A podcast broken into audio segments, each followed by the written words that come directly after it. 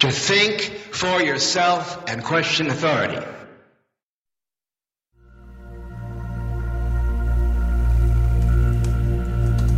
No, także dzisiaj wygląda na to, że. E, że temat zastępczy. Przepraszam bardzo, tak troszkę z takiej nagonki trochę, z walka z tymi maszynami, troszeczkę może tak nie tyle z maszynami, lecz czekanie, aż to się wszystko po prostu przełączy i zacznie działać najzwyczajniej w świecie. Moi drodzy. No właśnie, ja przypominam, że słuchacie jak najbardziej radio na fali, słuchajcie, hiperprzestrzeń dzisiaj wyjątkowo wystartowała, nie wiem w ogóle po czasie, to będzie taka mikrohiperprzestrzeń, absolutnie, i taka bardzo właściwie, nawet nie wiem czy to taka bardzo luźna, słuchajcie, bo uciekła nam praktycznie, no, godzina prawie, także, także nie będę się rozkręcać z jakimiś poważnymi tematami. Mam bardzo ciekawą rzecz na dzisiaj, taką zas, e, troszeczkę, nie wiem, że zastępcza, tak brzmi trochę jak, e, jak wyciągnięta z szafki, e, stara, nielubiana zabawka, ale to nie do końca tak, bo jest masa tematów, które które czekają, aż zostaną ogarnięte w hiperprzestrzeni. O właśnie. Słuchajcie, tu już za chwilę. E... Ja już czekam na Iweliosa. Pozdrawiam serdecznie. Przepraszam wszystkich słuchaczy Radia na Fali za, za to zamieszanie. Już tam jeszcze muszę go na czacie, znaczy w sensie napisać na Facebooku, że po prostu już wszystko działa, tak, że już wszystko jest ok. Uff, po prostu zamieszanie, zamieszanie. Tak to jest, słuchajcie. Jest takie angielskie powiedzonko, które, którego nauczył mnie mój e, były księgowy z Australii. Ale bardzo brytyjski księgowy, słuchajcie, miał e, takie, e, takie fajne powiedzonko, że no właśnie, że problem, problem is not in a computer. Problem is in a chair. Czyli problem nie jest w komputerze, tylko w krześle. A jest to aluzja do tego, że problem nie jest w maszynach, tylko w ludziach, którzy je obsługują. Takie angielskie powiedzonko. Akie tam. Także już działa. Już działa. No właśnie. E... Wow. Już leci, słuchajcie. Także pozdrawiam wszystkich słuchaczy Radia na Fali oraz Radia Paranormalią. Dzisiaj troszeczkę no inna hiperprzestrzeń, krótsza o godzinkę i no dokładnie, także troszeczkę mniej tego wszystkiego będzie, a dziś jest ciekawa opowieść, myślałem, że się rozciągnie tak czy siak. Yy, przy okazji przypominam, żebyście zostali na wieczorową porę, bo będzie wieczorowa pora absolutnie w Radio na Fali, absolut, absolutnie, przepraszam bardzo. To ta kawa. Dokładnie, co jeszcze chciałem? Yy, chciałem Was poprosić o to, żebyście wspierali radio, moi drodzy, finansowo. Nawet nie poprosić, chciałem Wam rozkazać wyciągać portfele! Otwierać portfele, wyciągać pieniądze, karty kredytowe i ładować. Na radio na fali oczywiście jak najbardziej. Yy, dokładnie. www.radionafali.com Wspieraj, sponsoruj i tam trzeba po prostu nas wspierać, moi drodzy. Trzeba wspierać, trzeba smarować finansami. Dokładnie, ja w ogóle chciałem bardzo serdecznie podziękować wszystkim tym, którzy nas e, po prostu wspierają dokładnie finansami, także bez was po prostu to radio, tak jest prawda, by nie działało. Bo ja bym sobie mógł to robić, no ale kto by to wszystko, tą całą infrastrukturę, prawda, utrzymywał? Ja bym pewnie wydał wszystko. Ach, sex, drugs and rock and roll. No, ale oczywiście ktoś to musi robić, także dokładnie. Dobra, to ja może włączam już wszystkie rzeczy, troszkę się... E, Słuchajcie, trochę się muszę z tym wszystkim zorganizować, dajcie mi sekundę, bo jak zwykle, jak zwykle jest tutaj pełne zamieszanie. Chciałem tak troszkę dłużej, ale będzie krócej. Słuchajcie, bo dzisiaj chciałem po prostu wspomnieć, jako że nie ma gościa, dzisiaj pogadać o czymś takim. No właśnie. O niewolnictwie troszeczkę, może nie o niewolnictwie, on taki, taki aspekt po prostu, że jesteśmy troszeczkę, no właśnie, wrócić trochę do piramid. No, niewolnikami tego świata jesteśmy po prostu troszeczkę. Niewolnikami opętanymi przez materię. Taka bardzo ciekawa koncepcja, która wynika, o, no może wynika to nie jest najlepsze słowo. To jest historia stara, moi drodzy, jak można powiedzieć świat, albo i nawet jeszcze starsza ta historia. Także, ale to za chwilę. Może to się ogarnę po tym całym zamieszaniu po prostu serwerami. No i e, słuchajcie, zaczynam tą e, bardzo rychłą i krótką dzisiaj opowieść, także nie będzie zbyt długa. Proszę słuchajcie, śmiało dzwońcie radionafali.com, taki jest e, adres na Skype'ie, także śmiało zapraszam. Jak się rozgadam już rzucę pierwsze tematy. Słuchajcie, jeżeli ktoś z Was miał przeżycia śmierci klinicznej, ktoś z Was wyszedł spoza swojego własnego ciała, wszystkie tego typu historie, to zapraszam bardzo serdecznie, żebyście dzwonili no i opowiedzieli o tym troszeczkę, bo dzisiaj właśnie na ten temat tak troszeczkę, o takim wychodzeniu z siebie i pewnej koncepcji, która została trochę zapomniana. O niej czasami wspominam, gdzieś tam się powołuję, czasami fragmentami ją wyciągam. No i dzisiaj trochę więcej na ten temat powiem. Też nie wyciągnę jej całej, też nie opowiem wszystkiego, bo to w ogóle, no, to się nie da po prostu. Nie da się, ale da się część tego wszystkiego opowiedzieć. Da się część. Dokładnie.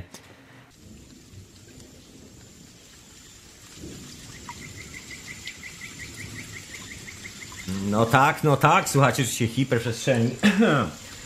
Ja ciągle biegam, słuchajcie, z góry na dół, z dołu góry, z dołu do góry, ale mam już kawę z sobą, także nie łusknę, słuchajcie, nie łusknę, wszystko jest ok. E, wow, działa, rewelacja. Nie mogę się nacieszyć po prostu. Nie mogę się nacieszyć. No, przepraszam za te wszystkie dziwne dźwięki, ale słuchajcie, muszę sobie rozlać kawę do tej opowieści. Słuchajcie, też rozlejcie sobie odrobinę kawy, jeżeli ktoś tam z was jest kawi- kawoszem. Ja zdecydowanie jestem kawoszem. No właśnie. Polecam wszystkim wziął herbatę, normalną, cokolwiek, cokolwiek, moi drodzy, żebyście mi tam nie zaschli, bo słyszałem, że wichury, wichury i mrozy. Także opiekujcie się sobą nawzajem i dbajcie siebie, moi drodzy, tam nic się z wami nie stało w tej krainie pełnej, no właśnie, pełnej niesamowitych przygód. No a propos niesamowitych przygód, myślę, że dzisiaj wybierzemy się troszkę do, do krainy, w której są jeszcze bardziej niesamowite przygody. A mianowicie, no właśnie, mianowicie do krainy, w której, no właśnie, ta kraina ma swoją nazwę. Egipcjanie nazwali ją dawno, dawno temu, przynajmniej z tego co my się orientujemy, krainą Duat, czyli krainą, do której trafiamy po śmierci. No i tu chciałbym zacząć właśnie całe to nasze dzisiejsze rozważania, spekulacje i bajania, słuchajcie. No i całą tą opowieść. Więc o co chodzi? No, o co chodzi? My żyjemy w takim świecie, który jest bardzo materialistyczny, jakby naszym, y, naszym sportem w sensie cywilizacji jako ludzi jest zbieranie jak największej ilości przedmiotów e, i za pomocą tej dużej ilości przedmiotów budowanie swojego statusu społecznego. Jest to związane jakby z pewnymi, no bym powiedział, zgięciem psychicznym w głowie, które mamy, że nie jesteśmy do końca normalni z pewnych powodów, coś nas opętało, no i nas opętało w ten sposób, że jesteśmy w stanie zabić za przedmiot drugiego człowieka. I to taki przedmiot, który właśnie nie ma żadnego znaczenia, ani żadnej roli, ani, ani nie powoduje, że cywilizacja się rozwija, ani nie powoduje, że cokolwiek się dzieje, choćby taki przedmiot jak pieniądze.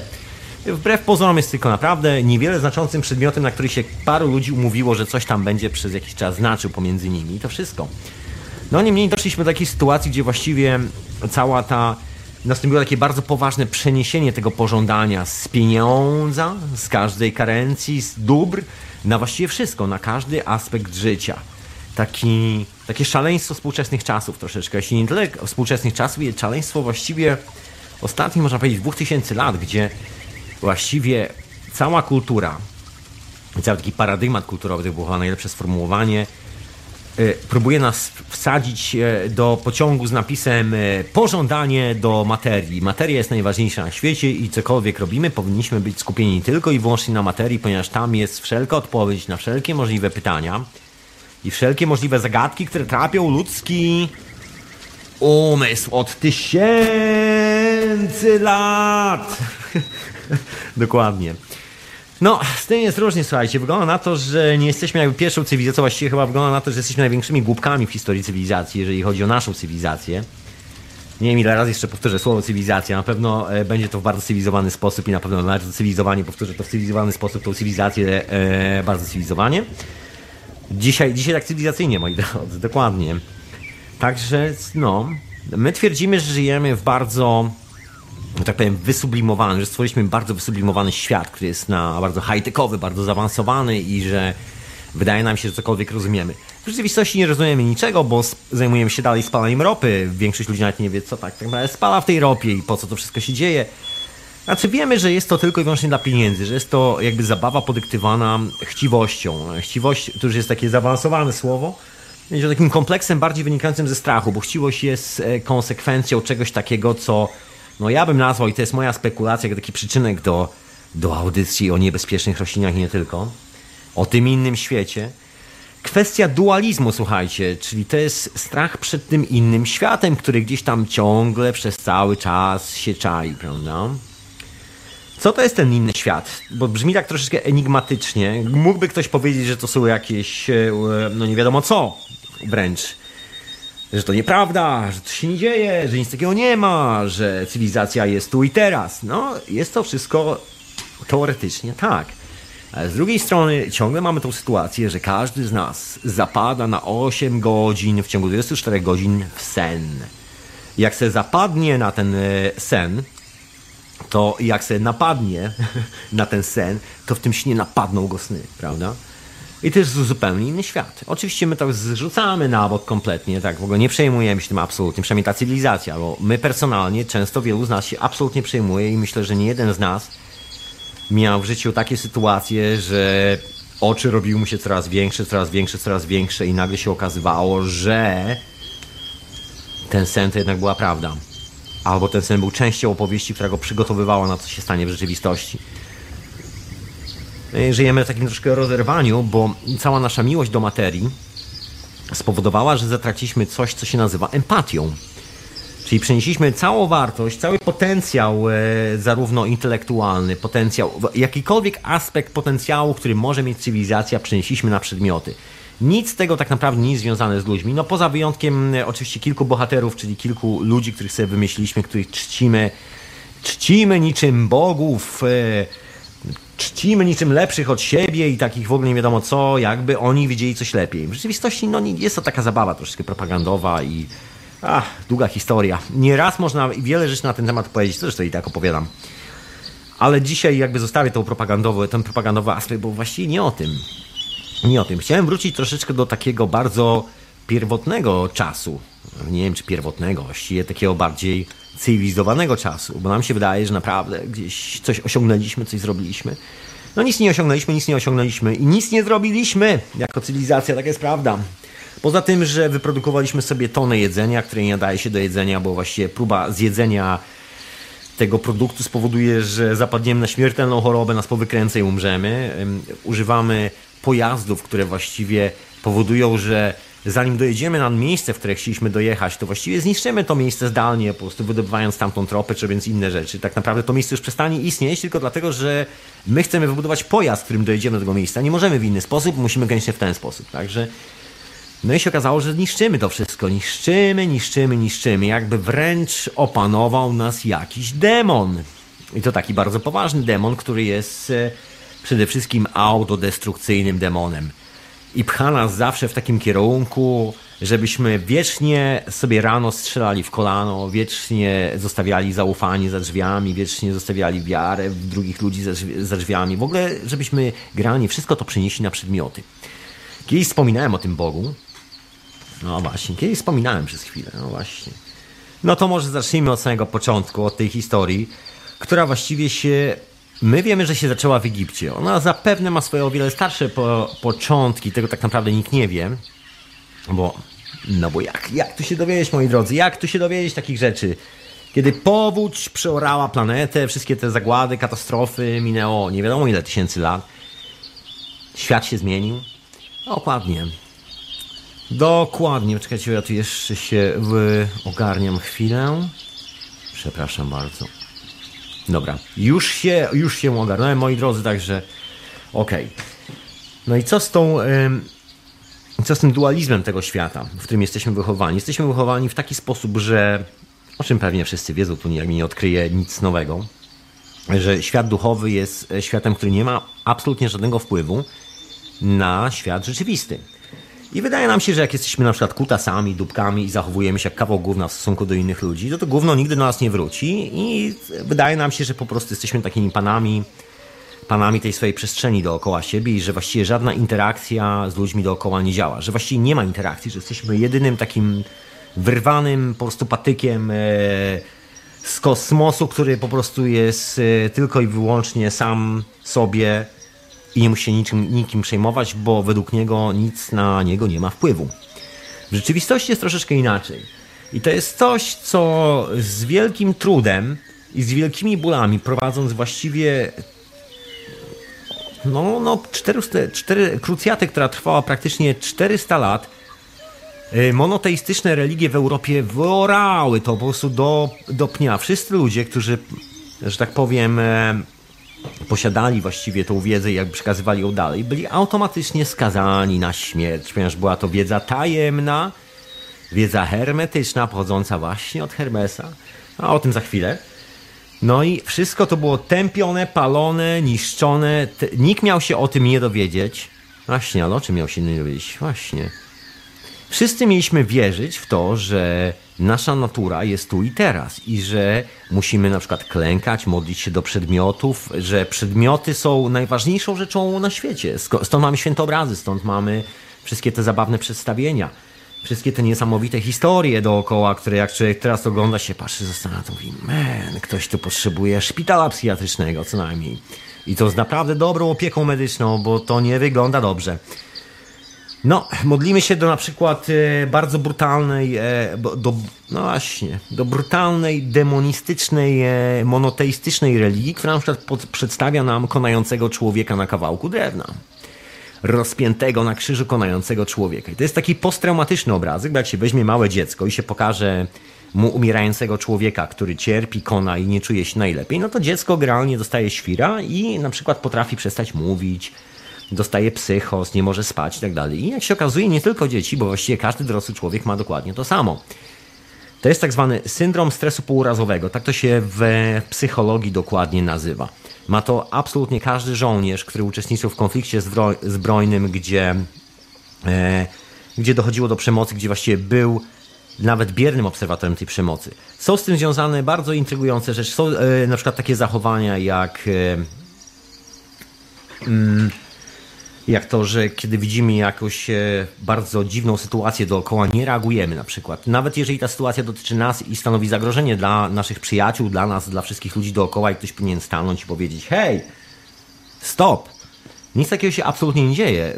E, człowiek, który ma ten zespół stresu pourazowego, zamarza w miejscu, nie jest w stanie się ruszyć. Automatycznie strach go paraliżuje. I to jest sposób, w jaki jesteś, jest, jesteśmy właściwie wychowani przez tą cywilizację od dziecka. Jakby od dziecka nam się pokazuje sytuację, w której wszystko jest nieustannym cierpieniem, wszystko jest nieustannym bólem, no i właściwie nie ma żadnego dobra na świecie.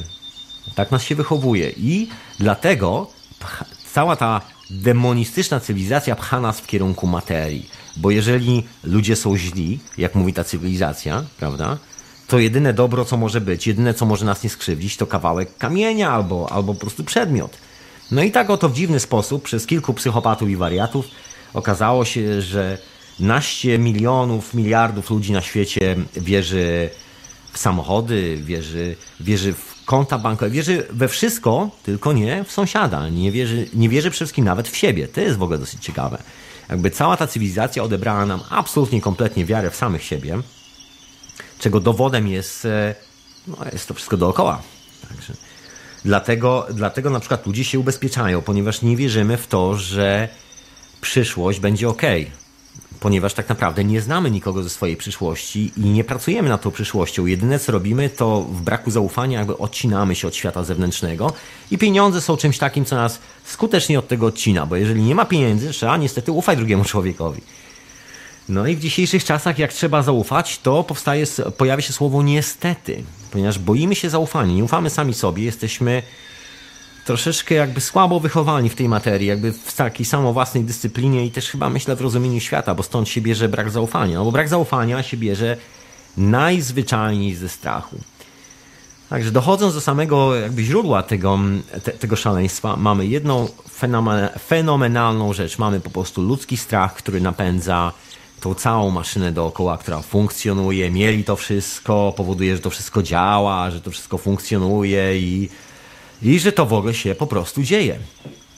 Tak zwyczajnie. Taka intrygująca sprawa, prawda?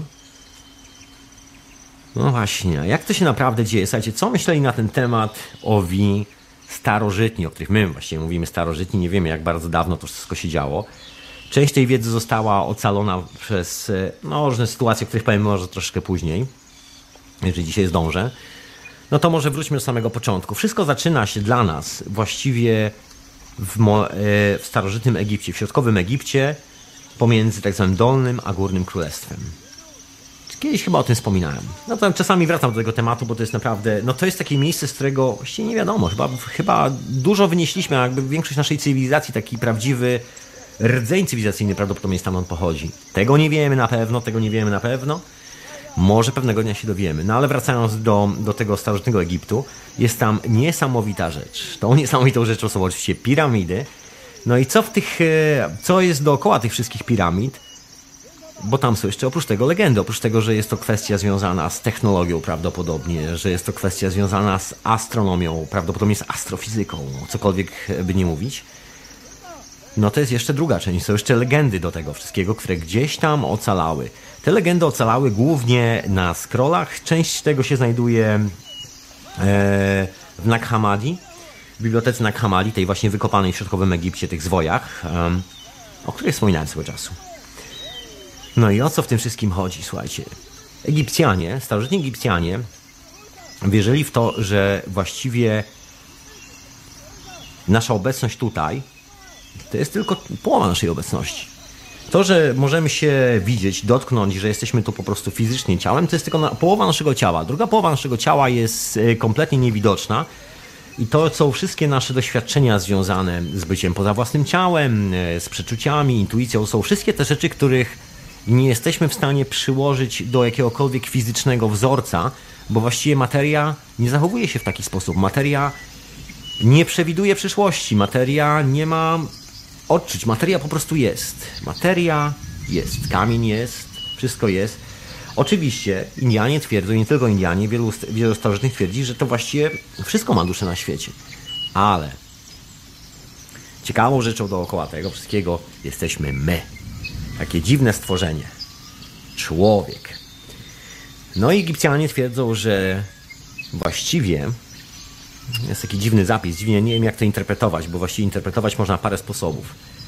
No, taka główna interpretacja e, brzmi więcej w ten sposób, że stał się jakiś dziwny wypadek i tak naprawdę to, czym jesteśmy, czyli ciało, ciało duchowe, zamanifestowało się w materii. I ta materia to, to są nasze fizyczne ciała, które mamy. I to był taki wypadek, który się po prostu wydarzył w kosmosie i to wszystko.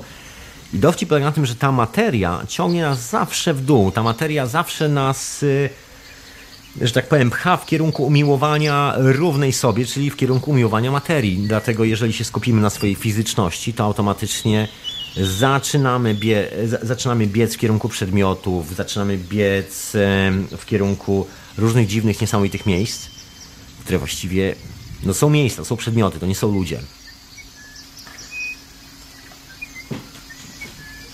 No i tracimy coś w tym całym wyścigu i tracimy tracimy właściwie chyba całe nasze zdrowie psychiczne, bo jeżeli się przyjrzymy naszej aktualnej cywilizacji, to jest to cywilizacja opanowana kompletnie wojnami, z e, przemocą, agresją. Nie ma tu nic sympatycznego, nie ma tu nic takiego. No poza oczywiście e, dużą ilością fantastycznych, sympatycznych ludzi, ale jeżeli chodzi o produkt cywilizacyjny, to naprawdę jest e, taka porażka. Maszyny, które miały służyć temu, żebyśmy już nie musieli nigdy ciężko pracować, żebyśmy spokojnie mogli wychowywać dzieci, zajmować się swoimi zwierzętami, ogródkami i przyjaciółmi. Się okazuje, że te maszyny właściwie służą do zabijania, do niczego innego. I że właściwie cały nasz cywilizacyjny postęp, wszystko cokolwiek wymyśliliśmy, właściwie służy tak naprawdę tylko i wyłącznie do zabijania się nawzajem, nic innego. I do zabijania się nawet nie e, Właściwie kompletnie bez sensu, bo my się zabijamy po to, żeby zabrać komuś coś. Żeby zabrać mu portfel, żeby zabrać mu jego pieniądze, żeby zabrać mu jego ziemię, żeby zabrać mu jego zasoby, albo żeby zabrać coś, co jest w ziemi, na przykład pod nim. Taki klasyczny zestaw e, w dzisiejszych czasach, prawda? No właśnie.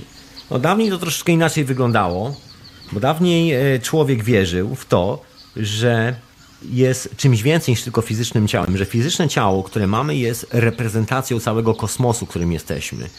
A to, y, jak się manifestujemy fizycznie, jest to tylko i wyłącznie naprawdę element tego wszystkiego, bardzo drobny. To jest ta połowa, jak na, y, jak na ironię, to jest ta gorsza połowa, bo to jest ta połowa uwiązana z tym demonem. Z tym dziwnym demonem, który mieszka też na tej planecie, razem z nami i każe nam po prostu, czy nam proponuje, zmusza, przymusza i podtyka pod nos takie sytuacje, że zachowujemy się jak kawał gówna po prostu w stosunku do wszystkich ludzi dookoła, bo wydaje nam się, że no właśnie, strach moi drodzy, strach. Boimy się tego, że nagle się okaże, że sami nic nie mamy. To jest taka postawa, o której, e, o której mawia, mawiało i dalej mawia wielu psychologów. Słynna, e, słynna szkoła psychologii, która mówi o tym, że człowiek jak jest przestraszony, no to zaczyna sobie budować maskę, tak, żeby go nikt nie skrzywdził. Bo jesteśmy generalnie delikatnymi istotami z natury i właściwie nikt z nas nie jest e, przyzwyczajony do, że tak powiem, koszarowego, gównianego żartu i do klepania się po prostu kopniakami e, po tyłkach. Do robienia sobie naprawdę takich dziwnych rzeczy. To jest, e, to jest jakiś taki dziwny wynalazek, który nam się cywilizacyjnie przydarzył, że wydaje nam się, że jak kogoś mocno walniemy, to jest tym jakaś zabawa dla świata i jest tym jakaś nauczka dla kogoś. No się okazuje, że właściwie nie ma w tym żadnej nauczki, a wręcz odwrotnie. Jest to po prostu tylko i wyłącznie e, kwestia blokowania, blokowania swoich własnych emocji. Właściwie w taki sposób budujemy sobie skrupę po to, żeby móc potem, no właśnie, żeby, żeby móc nie odczuwać tego, co jest dookoła nas, żeby mieć prawdziwych uczuć, żeby je wszystkie schować gdzieś głęboko za tą skrupę i żeby nas nikt nie zranił. Bo każdy z nas doskonale wie o tym, że nawet jak się zachowuje jak największy dupek, jak największe gówno, to to gówno do niego pewnego dnia wróci. Nie każdy ma tego świadomość, część ludzi po prostu funkcjonuje w ten sposób i tak sobie po prostu żyje i pewnego dnia się budzą swoim własnym życiu. Moje życie jest przerażające, moje życie jest po prostu przerażające. Coś w tym stylu. No właśnie, a kiedy spojrzą troszeczkę do tyłu i zobaczą, co wcześniej robili, to się nagle okazuje, że właściwie nic innego w życiu nie zrobili, jak tylko to, żeby doprowadzić się do kompletnej e, degrengolady, do kompletnego braku zaufania przed nim do siebie, no co następnie skutkuje brakiem zaufania do innych. No problemem, e, problemy, jakie wynikają z braku zaufania, ze strachu przed innymi ludźmi, to jest to, że staramy, że widzimy w innych zagrożenie. Nie rozumiemy samych siebie, nie rozumiemy innych ludzi dookoła. Także widzimy zagrożenie. Stąd się biorą wszystkie te dziwne teksty, które sobie ludzie generalnie strzelają na dzień dobry czasami. Ja to na czacie widzę czasami takie teksty, że ktoś w, e, na przykład wchodzi i próbuje odegrać jakąś ważną, groźną postać, próbuje po prostu stworzyć jakąś nieistniejącą osobowość po to, żeby schować swój lęk, strach przed tym i właściwie chyba smutek i samotność przede wszystkim, bo tak naprawdę tym strachem i za, za tym lękiem jest gigantyczny smutek po prostu. Taki człowiek na pewno chciałby po prostu z kimś usiąść i normalnie porozmawiać. Tak po prostu bez żadnej skrupy, bez żadnego problemu, tak po prostu wyrzucić z siebie jakby swoją prawdziwą naturę, swoją prawdziwą istotę. No a tu się okazuje, że no, nie potrafi już. Czasami już po prostu nie potrafimy, bo cywilizacja doprowadza nas do takiego momentu, że właściwie już nawet nie wiemy, że chyba jesteśmy takim prawdziwym człowiekiem. Ten człowiek jest tak schowany pod tymi wszystkimi skrupami, że to światełko to już tam przygasa właściwie tego prawdziwego człowieka. Już tak znika czasami częściej niż się pojawia. No, starożytni nie mieli tego problemu. Oni traktowali e, świat troszeczkę inaczej, nie mieli właśnie tej obsesji materialistycznej, nie udawali, że nie ma ludzi, że są tylko przedmioty. Oni twierdzili, że dokładnie tak jak jest człowiek, tak jak jesteśmy tutaj, tak jak wspomniałem wcześniej, jest dokładnie niewidzialna reprezentacja naszego ducha. I tak naprawdę my jesteśmy czymś więcej. Nie jesteśmy tylko i wyłącznie mięsem na pożarcie. No i tu, tu muszę wrócić do niesamowitej legendy, która pochodzi dokładnie z czasów tego bardzo starego Egiptu. I to jest legenda o krainie Duat. Dokładnie stąd się wzięły podwaliny, właśnie tą legendę zmanipulowano i ona jest do dzisiaj znana, ale to zaraz wam powiem. Pewnie rozpoznacie bez problemu. jest doskonale znana w dzisiejszych czasach. Słuchajcie, jest coś takiego w starożytnej e, teologii, jak właśnie kraina duat, kraina, do której trafia się po śmierci. Kiedy umieramy, opuszczamy nasze ciało, właściwie wszystkie przedmioty, wszystko co mamy, zostawiamy tu na ziemi. Ta teologia mówiła bardzo jasno i wyraźnie, że nie ma takiej opcji, żebyśmy cokolwiek zabrali ze sobą. Nawet wspomnień z tego życia nie możemy zabrać ze sobą. Zabieramy tylko swoje uczucia. Czyli jeżeli ktoś się czuje po prostu fajnie, dobrze, zdrowo ze sobą i dostaje jakby takie pozytywne uczucia od ludzi dookoła, to jest granie takim pozytywnym człowiekiem. Może, słuchajcie, doskonale chyba wszyscy wiemy o co chodzi. Na pewno nie jeden z nas zna takich fajnych, sympatycznych ludzi, z którymi jak człowiek usiądzie, to po prostu świetnie się czuje i nie ma z tym absolutnie żadnego problemu i wszystko idealnie działa i każdy jakby bardziej chciałby być w towarzystwie tych ludzi niż w towarzystwie innych ludzi, bo po prostu czuje się lepiej. I mijają lata czasami e, i my już nie pamiętamy, o czym była ta rozmowa, co się działo w tej sytuacji, jak to, jak to w ogóle wszystko wyglądało, co my właściwie robiliśmy, ale pamiętamy jedną rzecz. Pamiętamy to niesamowicie pozytywne uczucie, które się działo wtedy. Mamy to genialne wspomnienie tej emocji. No i te starożytne, yy, nie wiem czy nazwać to religie, starożytne systemy wierzeń, które opowiadały nam o tym, jak wygląda rzeczywisty sens naszego życia i gdzie tak naprawdę ten sens naszego życia jest schowany, mówiły dokładnie o tym, że porzucamy swoje doczesne iluzje dokładnie w tym życiu. Absolutnie nie jesteśmy w stanie nic zabrać ze sobą. Pamięć mieszka w mięśniach. o czym chyba wielu z Was słyszało, bo to jest słynna. Słuchajcie, to jest potwierdzone naukowo. Słynna historia z przeszczepami. Ludzie po przeszczepach e, się zmieniają. Się okazuje, że kiedy dostajemy organ, e, kawałek ciała od innego człowieka, to nagle przejmujemy część jego osobowości, część jego talentów. Może niekoniecznie w, w sposób dosłowny. Czasami jest to na zasadzie interakcji, że ktoś robił coś, my robiliśmy coś, wcześniej i kiedy złączymy te dwie rzeczy, czyli nie wiem, dostaniemy serce albo wątrobę, nerkę, cokolwiek e, od kogoś innego, nagle się okazuje, że mamy predyspozycję do nagle zostajemy pisarzem. Albo genialnym muzykiem, chociaż nigdy wcześniej nie dotykaliśmy instrumentu i tak dalej, i tak dalej. To są takie klasyczne rzeczy.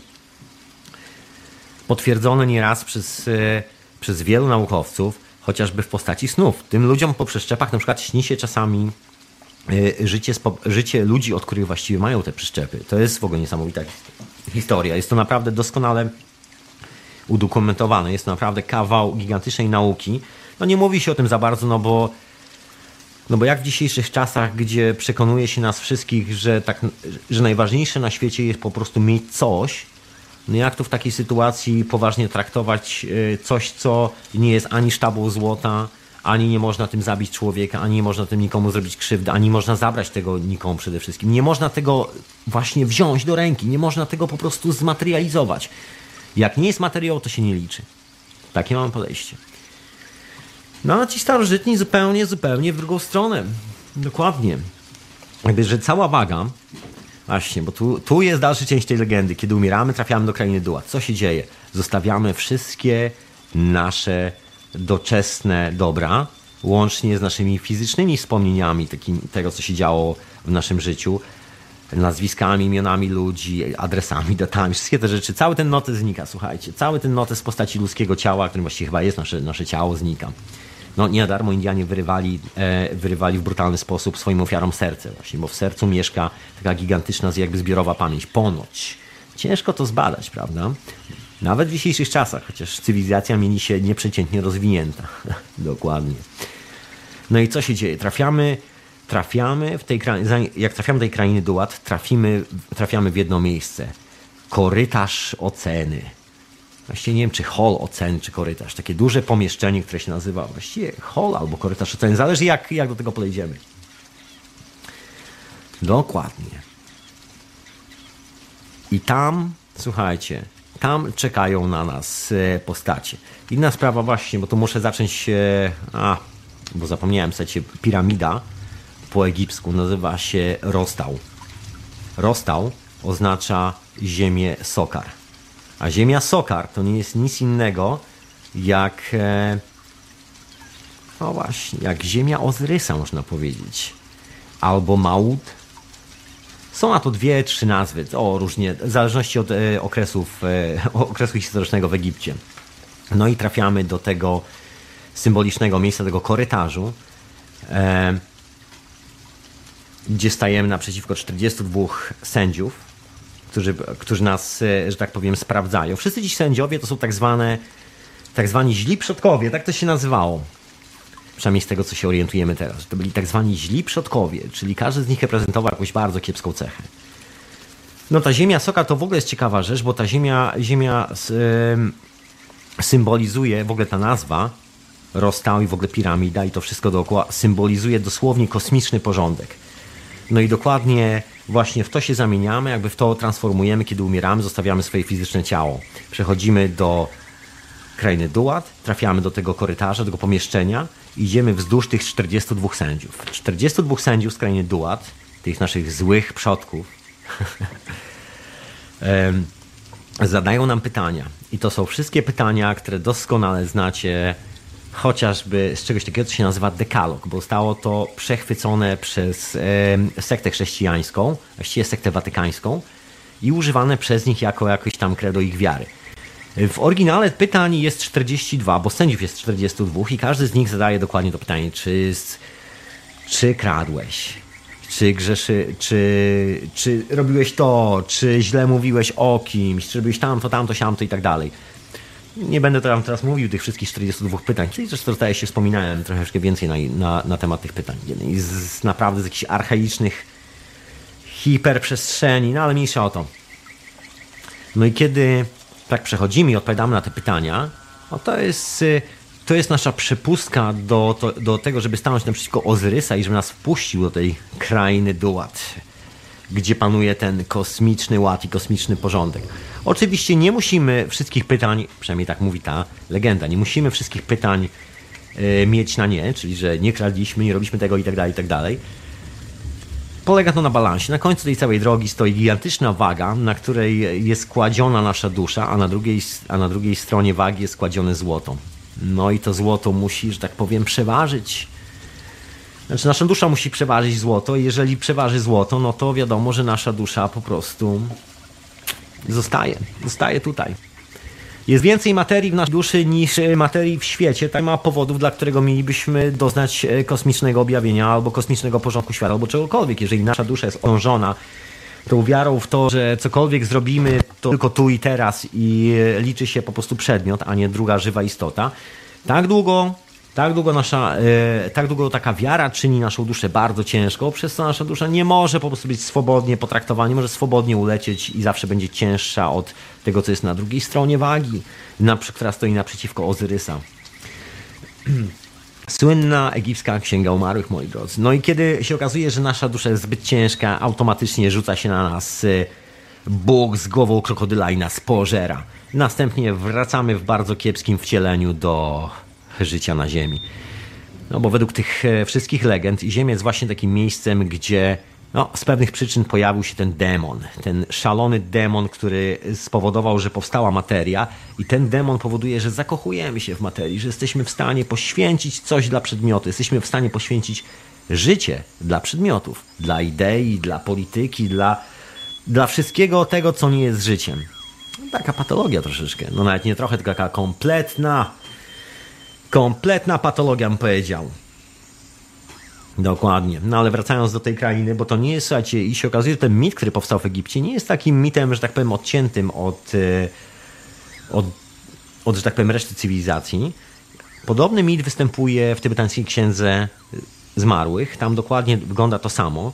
Tylko, że tam jest zabawny sposób, bo tam dusza z kolei wędruje, ale nie przez 42, tylko 48 dni z kolei. Kiedy człowiek umiera, jest zawijany, przychodzi specjalny mnik, który czyta przy zwłokach tą tybetańską księgę zmarłych, ponieważ wiara jest dokładnie tego, sam, e, tego samego nie wiem, pokroju, rzędu, jakby ci ludzie wierzą dokładnie w to samo, że jesteśmy tylko fizycznie, to jest tylko bardzo niewielka część nas samych, że mamy tą gigantyczną część duchową, która, nas, która powoduje, że całe fizyczne ciało tak naprawdę działa, a nie w drugą stronę.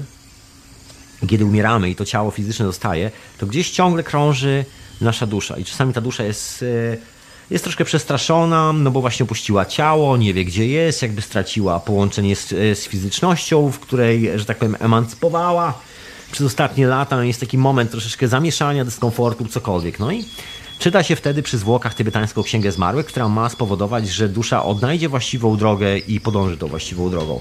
Czym jest tybetańska księga zmarłych? Jest właściwie dokładnie tym samym, czym e, egipska księga zmarłych, jak na ironię, pomimo że obydwie księgi dzieli gigantyczna odległość prawie, prawie pół kontynentu, drugi koniec świata, słuchajcie, z drugi koniec świata.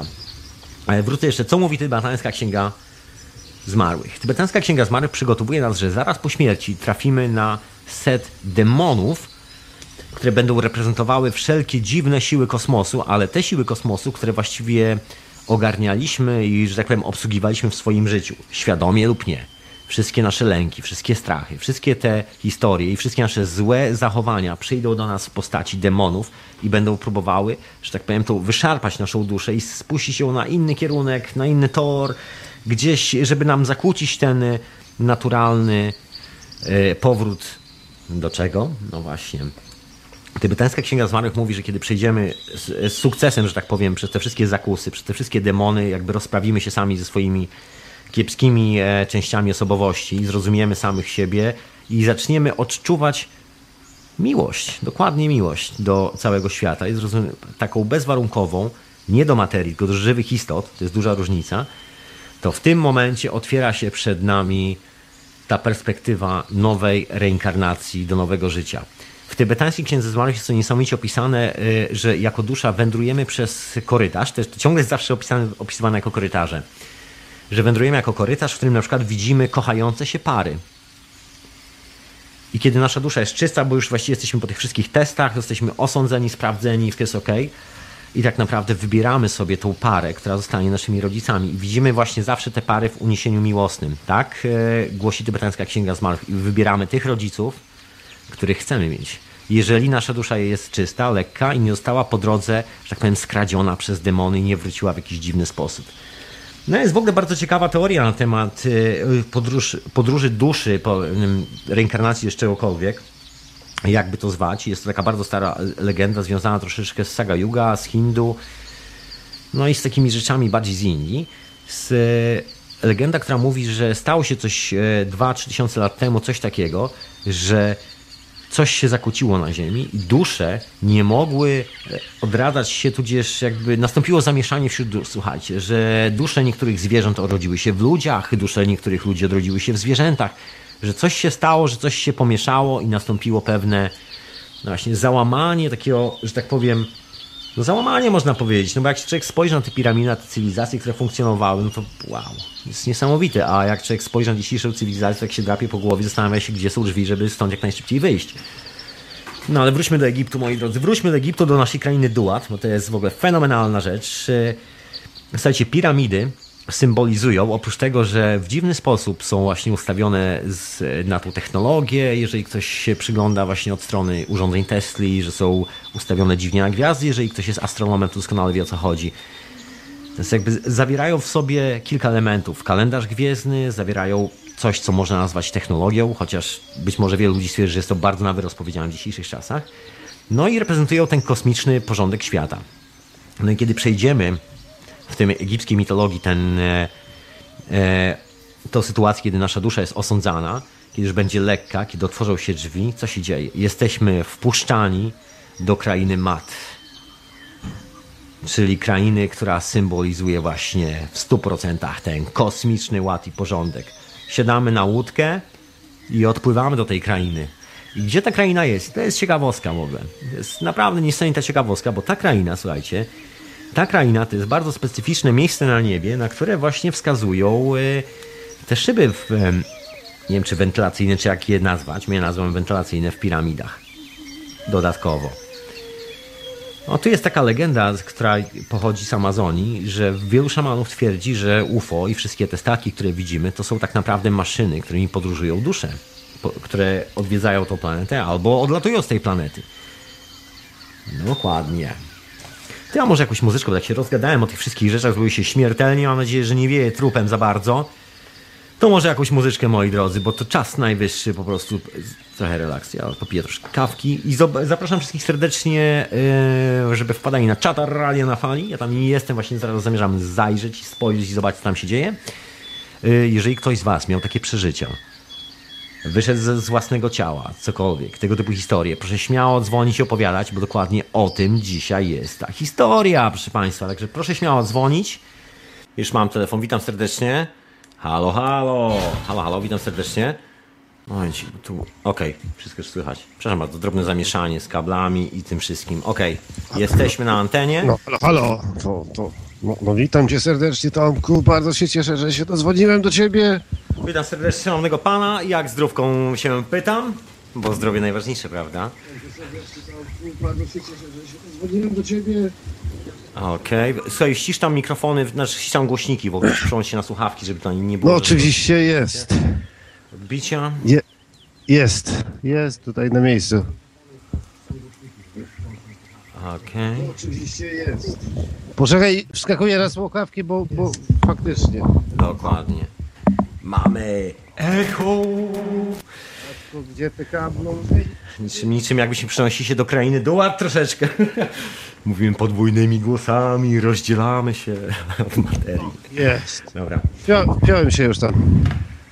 Witam. Także teraz oficjalnie, tak już bez, bez żadnego pogłosu, witam serdecznie. E, już nie, już, już, już nie, już nie. No, dokładnie. Okej, okay, słuchaj, jaka jest twoja refleksja na ten temat? Czy spotkałeś się z takimi właśnie opowieściami o krainie śmierci? Czy miałeś takie doświadczenie w ogóle przede wszystkim? Halo, halo? Słuchajcie, tracimy gościa. Tracimy gościa. Halo, halo. No, spotkałem się z takimi opowieściami. Są tutaj na tej planecie. Opowiadają ludzie, jak Słuchaj, wy, słuchaj, wyłącz, jeżeli mogę cię prosić, po prostu wyłącz, e, wyłącz po prostu radio i przełącz się tylko na Skype'a. W ten sposób, bo zawsze będziesz słyszał z opóźnieniem. Ja przepraszam wszystkich za zamieszanie techniczne, a tu tak bywa. Przełącz się kompletnie na Skype'a, nie będzie żadnych opóźnień. Okej, po prostu wyłącz radio i A. tylko przez Skype'a. Okej?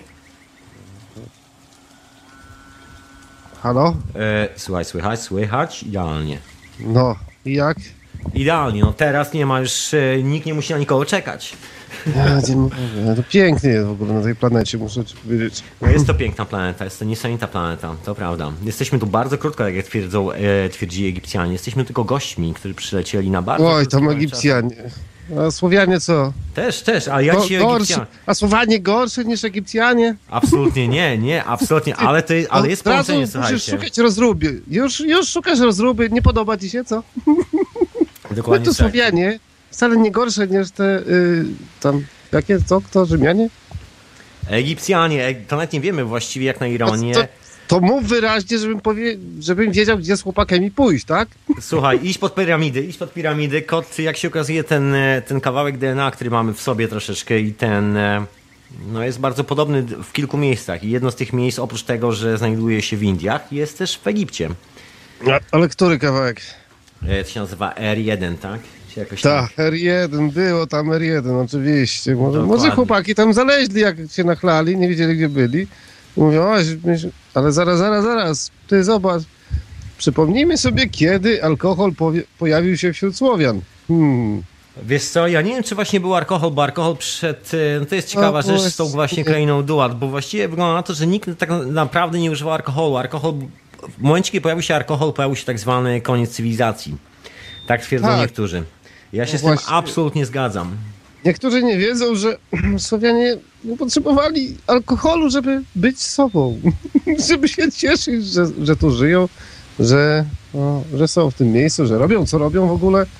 E, że jak ktoś e, na przykład skazi wody, to no to sorry stary, to, to masz przechlapane. No, naruszyłeś jedną z praw natury. Do widzenia.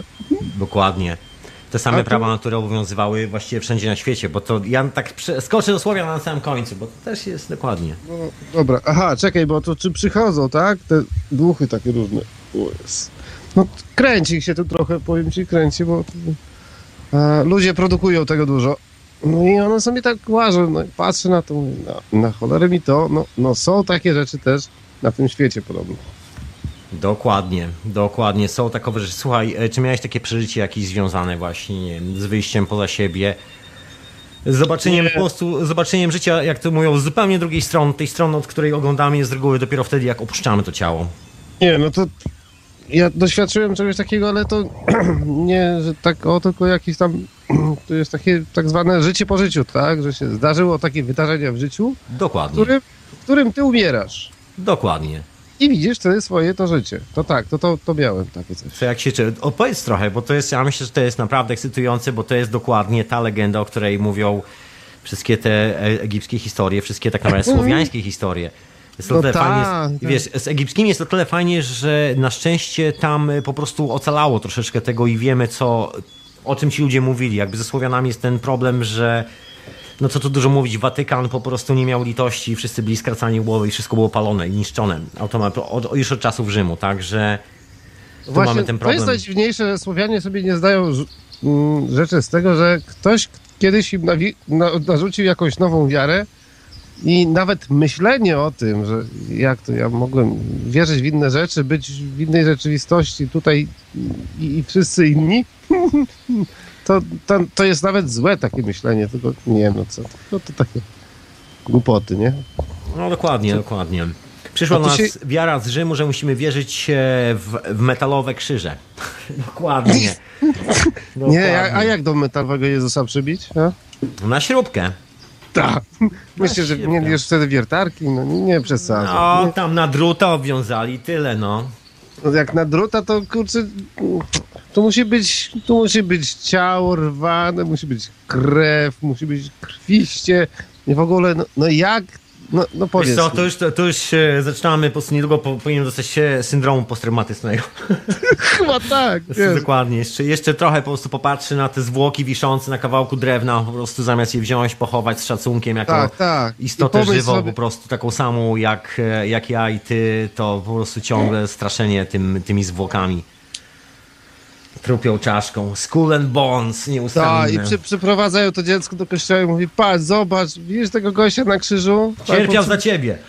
Kurwa, ale A ty taki pomyśl, zgięty mówisz, pomyśl "Fuck, sobie, zaorali jak, go za mnie. jak ty masz w życiu przechlapane, że gość poszedł normalnie za ciebie, bo on umarł za twoje grzechy, nie za moje, nie, nie za twojego Dokładnie. ojca.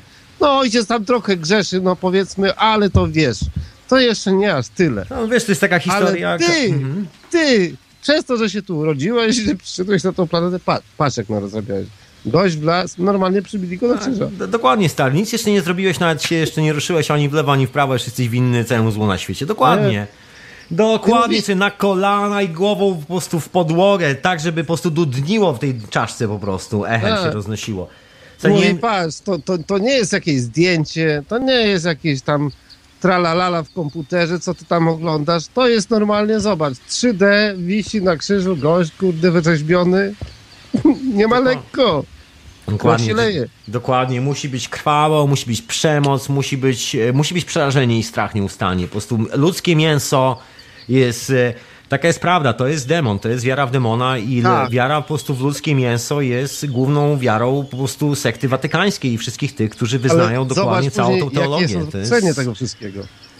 No przerażające, przerażające konsekwencje tego wszystkiego. Mieszkamy właściwie w konsekwencjach tego wszystkiego. To jest tak jak to Zobacz- powiedzonko, wiesz, to jest... To, Zobacz, co- dla no, tych stało ludzi to jest normalne, że gości, gość w sukience i mówi, słuchajcie, to jest ciało, to jest krew, dawać, jedziemy. Dokładnie, to jest dosłownie, to jest, e, to jest ludożerka, ludożerka, proszę Państwa. To jest jego ciało, to jest krew. Proszę, dla każdego dostępne. Wiesz, tam parę groszy wrzucisz, to tam no, jakoś to będzie. Dogadamy się, nie? Dokładnie. Nie wiem, czy znasz historię, jak to się pojawiło, jak, jak Konstantyn, który właściwie zasetupował tą, e, tą zbrodniczą sektę, właściwie jak to się zaczęło od Konstantyna, bo Konstantyn stracił e, syna, syn mu się utopił od synów. Ten Konstantyn e, z tego Konstantynopola dokładnie, z tego gigantycznego miasta z czterema wieżami, które zostały później przebudowane na meczet. Znaczy jakby zostały dobudowane wieże cztery i zostało przebudowane bazylika na meczet. No No i tak robią, tak, tak, to jest taka Dokładnie. metoda. Ja tam słyszałem w kolonii był taki numer, że Turcy dostali zezwolenie na budowę. Na budowę no, czegoś tam, budynku, tak? No i oni to zaczęli sobie budować, budować. zaczęli od No i jakoś takim z tego wszystkiego, co budowali, wy, wyszedł meczet, nie? I wtedy e, no, te władze niemieckie kolonii mówią, no trochę przejebana sytuacja się stała. No bo tak, daliśmy zezwolenie na budowę, ale nie na meczet. Teraz, zgodnie z warunkami prawa niemieckiego, które skrupulatnie przestrzegamy od tylu lat, e, trzeba by ten meczet rozebrać. Ale zaraz, nie, kurczę, ale ten meczet już jest mm, obiektem kultu i w ogóle. Dokładnie, Ale, już, już materia nabrała, zna, już materia jest ważniejsza od, y, od ludzi. Już nagle, bo ktoś powiedział, że jest ważniejsza. Ale, Ale- to ale co skończę jest- ci historię z Konstantynem, bo to jest w ogóle, to jest dokładnie tak jak y, trochę to się zaczęło, bo Konstantyn jednego syna stracił, który mu się utopił, a drugiego po prostu zabił. Tak jest prawda. I, y, i kompletnie z tej zdrozgotany złości, tym. że mu się utopił, tak?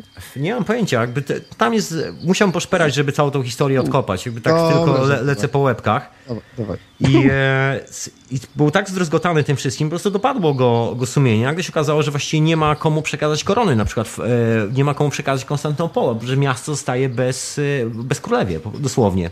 Bo właściwie wszyscy potomkowie, jeden się utopił, drugi został zabity przez własnego ojca. I on zdruzgotany przybył do Rzymu, do stolicy Piotrowej wtedy. I chodził dookoła Rzymu i, i to jest zapisane w kronikach rzymskich. I chodził i szukał e, jakiejkolwiek sekty, która mu wytłumaczy i znajdzie ukojenie dla jego duszy, bo facet po prostu ześwirował. No to nic dziwnego, jakbyś zabił swoje własne dziecko, no to, to też nie byś był już normalny. To jest jakby droga tylko, to jest bilet w jedną stronę. To już jest dokładnie. I, i koleś szukał tego, że tak powiem, zbawienia, no i e, wszyscy się pukali w głowę i mówili, no stary, no ale przekroczyłeś po prostu taki moment, że no, no nie ma, po prostu zabiłeś, zabiłeś własne dzieci, także no, men, po prostu, no, Nie ma, nie ma biletu z powrotem. A się okazało, że znalazła się jedna sekta, która dała radę i oni powiedzieli, wiesz co, to nie jest, y, wszystko jest okej, okay. musisz tylko zapłacić, my, my mamy na to teologię, mamy taki pomysł, że, że wszystko jest okej. Okay. I to byli chrześcijanie. My to wiemy lepiej, stary. I to byli chrześcijanie. On u, u, ubił z nim deal, oni dali mu, że tak powiem, spokój duszy, go wyspowiadali, bo chodziło po prostu o wyspowiadanie. On szukał kogoś w Rzymie, kto po prostu ściągnie z niego to... E, to brzemię. No i chrześcijanie powiedzieli, pierwsza sekta właśnie powiedziała chrześcijan, że ściągnie z niego to brzemię pod warunkiem, że e, cały Konstantynopol zostanie jakby stolicą właśnie tej religii. No i tak się stało, że Konstantynopol został religią tej stolicy. Jeszcze tam są oczywiście kilka innych legend dookoła tego wszystkiego, bo to nie jest jedyna legenda, ale Słuchajcie, tak to się, tak to się zaczęło. To jest dokładnie, e, ludzie tak śmieją, ale to jest jedzenie i picie, po prostu jedzenie ludzkiego mięsa i picie ludzkiej krwi. To jest takie barbarzyństwo na maksa po prostu. Nie no, tak trochę się wcieliłem w tą rolę, co opowiadałeś tego gościa. I tak myślę, kurde, dziecko mu się otopiło, się w kurwiu, wziął drugie, wymordował. No, no, znaczy, pierwszy co, zabił. Co pierwszy, teraz? Słuchaj, to... e, było odwrotnie. Jakby pierwszego syna zabił po to, żeby nie było dwóch pretendentów do tronu. Pierwszego? A, tak, tak. A, a drugiego syna, a drugi syn się po prostu utopił. Co on się otopił tak z frustracji, że pierwszego zabił? No to już nie, know, to, mi się know, nie to mi się nie klei, to mi się do końca nie klei. Słuchaj, no trudno, musisz, musisz pomyśleć nad jakimiś dwoma synami, wtedy sprawdzimy w praktyce jak to wygląda. Zaczniemy od topienia. Tak, oczywiście, Dokładnie. tak jak co, co, co sobota biorę jednego syna, topię, drugiego morduję, no bo przecież to... Dokładnie, ofiara, no. ofiara musi zostać spełniona dla bogów. Słuchaj, e, jakie są twoje wrażenia, jakie, jakie było twoje wrażenie, jakbyś mógł powiedzieć historię o tym, jak wyskoczyłeś jakby spoza siebie i wróciłeś z powrotem i w jaki sposób to zadziałało, że tak powiem, w twojej głowie na, nie wiem, na sposób życia, na to, jak postrzegasz sprawy, w ogóle swoje życie przede wszystkim. A, no, no to wiesz. E, jedno to było, wiesz, pod wpływem czego? Pod wpływem kawy. Wow, ciekawe. Człowiek, człowiek pod stresem pije bardzo dużo, bardzo mocnej kawy jak łapiesz ten stres, że ty w tym życiu żyjesz w tym stresie i w ogóle musisz być taki przytomny zajebiście, nie? To ja tak rano sobie walnąłem dwie kawki, dojechałem do pracy, tam trata, trata tata, następne dwie kawki, tak, że potrafiłem w ciągu krótkiego czasu wypić pięć bardzo mocnych kaw. No, no i to się odbija na sercu. Jednak jest jest śmiertelna dawka kawy, posłuchajcie ludzie, się okazuje, że to jest prawda, że można wypić tyle kawy, że wam serducho po prostu stanie. I to jest legalne i uwielbiajmy swoją poranną kawę. No ja tam lubię kawkę, ja tam lubię kawkę, ja ale nigdy tam... nie doszedłem do takiego poziomu, żeby wiesz, że mnie wykręciło od tej kawy. Ale okej, okay, dobra, ale... jakie jest twoje, wiesz, bo jakby substancje substancją, bo metod jest wiele. Ja zaraz wrócę do Egiptu, bo tam jest e, ta sama metoda, która była używana przez prawdopodobnie Słowian, o czym już prawie nikt nie pamięta. No dobrze, no więc po tak dużej, jak, bo tam było jakaś duża ilość tej kawy, którą wypiłem w krótkim czasie. I zaczęło mnie normalnie paraliżować. nie mogłem mówić, nie mogłem ruszać ręką i tak dalej. No i tam kolega odwiózł mnie na pogotowie, które było obok. Ja tak siedzę sobie i tak patrzę na to wszystko. I widzę całą tą sytuację życiową w jednym momencie. Mhm. E, no wiesz, i przyszło do mnie tylko takie, ty stary, martwisz się o coś, no, o co jest zawieszone na tak cienkim włosku. I ty to widzisz, zobacz, że to widzisz.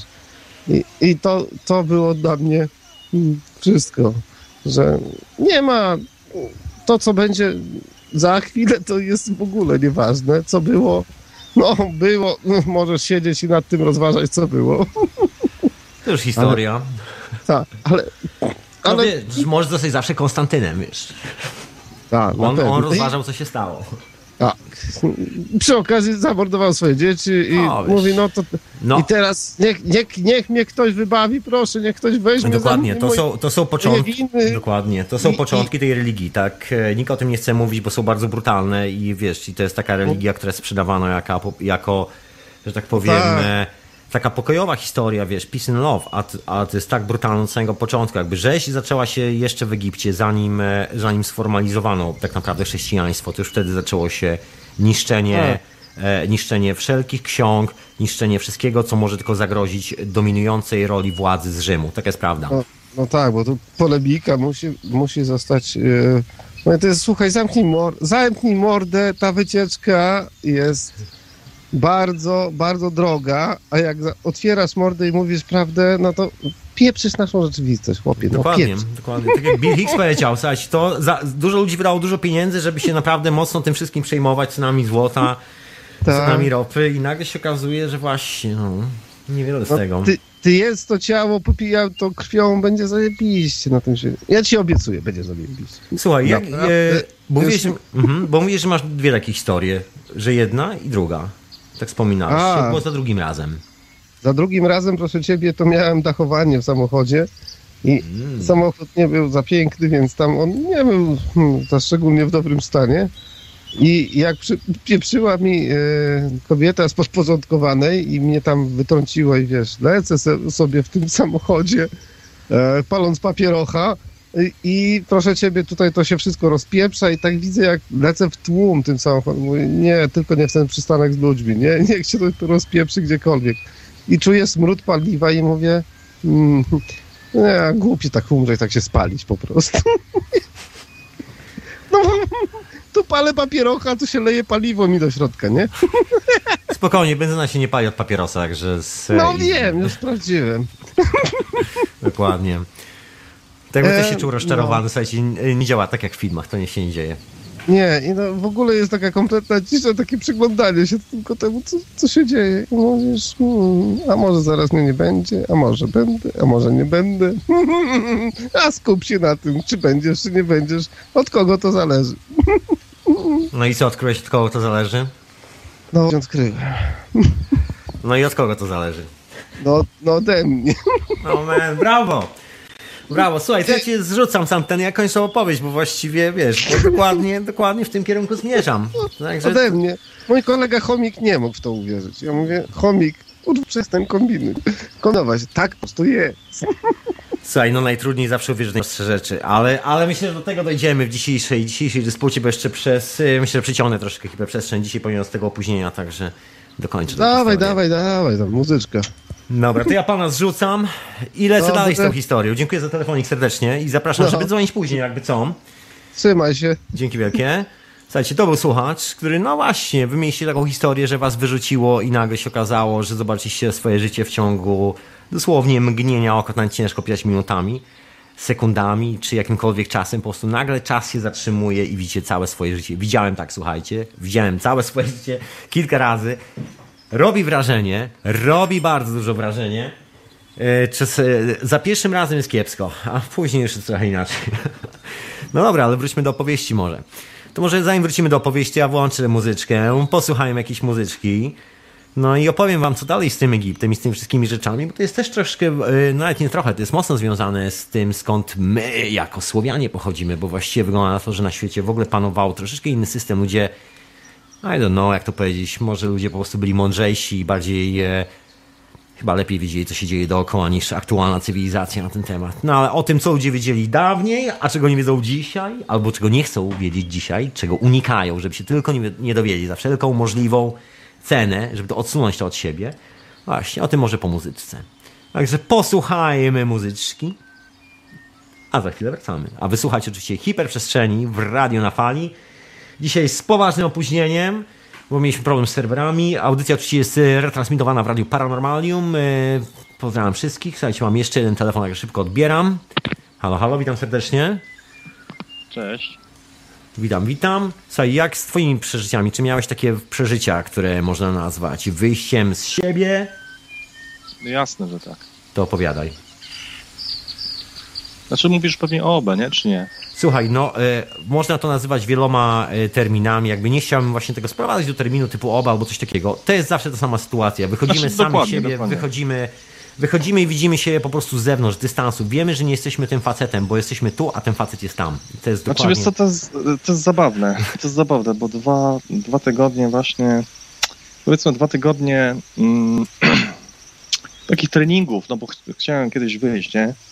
Powiedzmy, no bo się naczytałem na tym forum, kurczę, myślałem, że to jest jakaś, że wywiera głupoty gada, nie? No ale kurczę, tyle ludzi pisało to o tym, no to mówię ten, nie? no i się udało. I rzeczywiście, no wrażenie za pierwszym razem jest, no obłędne. Dlatego, że ciało sobie leży na łóżku, powiedzmy, i no i ja widzę to, nie? A ja jestem pod... Ja, no kurczę, nie masz tego ja, ale dobra. No właśnie, Yy, kolejna iluzja wszystkiego świata. No ale powiedzmy, że no, jest, znaczy, kurczę, no widzisz, to nie ma słów, nie? Ale okej. No, Dobra, sobie powiedz, tak. powiedz po prostu normalnie, widzisz po prostu swoje cielsko, No swoje, dobra, no, swoje widzę ciało, swoje ciało, normalnie a jestem pod sufitem i nie czuję ciała. jestem lżejszy niż piórko. No i to jest po prostu jazda totalna, nie? No i później było przeniknięcie przez szybę i, i lot taki na osiedlu, na osiedlu, nad trawą z wielką szybkością. Później jakieś istoty były tam te, no, no ale to już tam z tego, no ale mówię, no to po prostu no zabawne, zabawna, zabawna sprawa, trzeba przyznać. Słuchaj, okej, obudziłeś się, jakby ob- obudziłeś się, jakby wyszedłeś z tego stanu, wróciłeś z powrotem. Jak, e, jaki był impact tego do twojego życia? Jaka była refleksja chwilę po tym?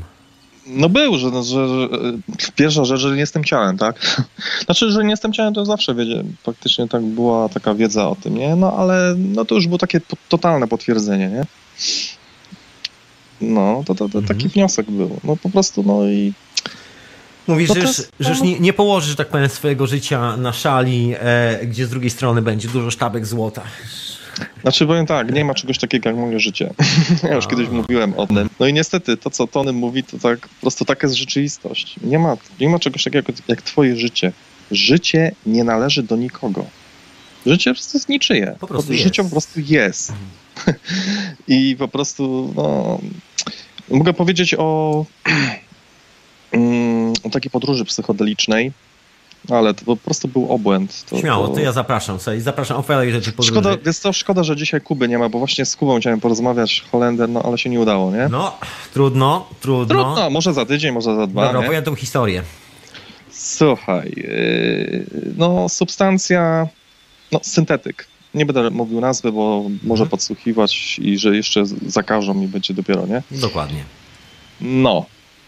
Ale po prostu, no i dawka dosyć taka, jak na forum tam powiedzmy na, hyper, na, na hyperze, no że to już jest dawka duża, nie? Duża. Bo to było 50 mili, 55 mg, nie? Także to już jest, no, nieźle, nieźle.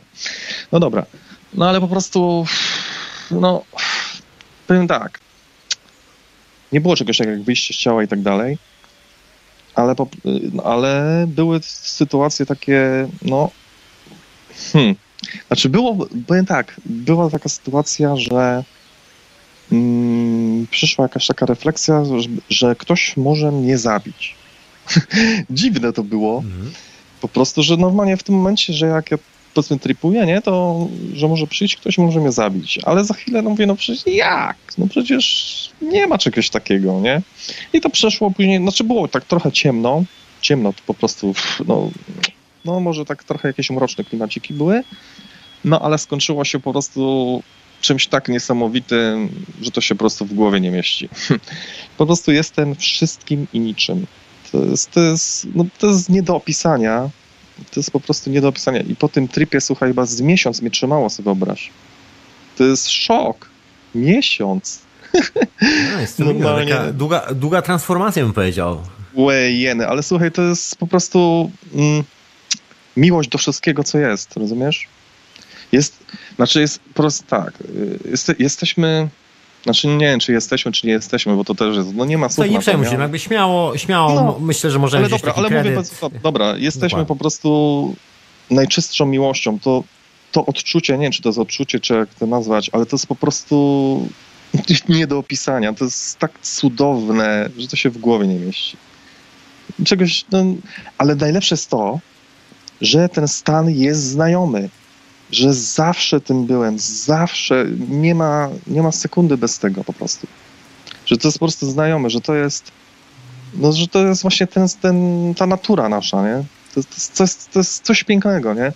A niestety przez ego, ja wiem, że ty mówisz, że ego jest potrzebne. Ego nie jest potrzebne do niczego. Bo życie No, się... wiesz co, po prostu to jest na, narzędzie, to nie jest tak, że jest po prostu jest, e, to nie jest kwestia tego, że my się możemy zastanawiać, czy jest potrzebne, czy nie. To jest po prostu masz młotek, bo wiesz, wbijamy tu trochę gwoździ i to jest po Rozumiem, prostu... może być narzędzie, no dobra, okej. Dokładnie. Okej, niech będzie, ale po prostu, no niestety, ale w życiu po prostu codziennie, jak są jakieś kłopoty czy coś, no to niestety to ego, czy osoba, czy jak to tam nazwać, to nie ma znaczenia. Nasz po prostu młodszy, przy- nierozwinięty brat. to tak nazywam po prostu. No albo no, przejmuje po prostu jakby kontrolę, tak?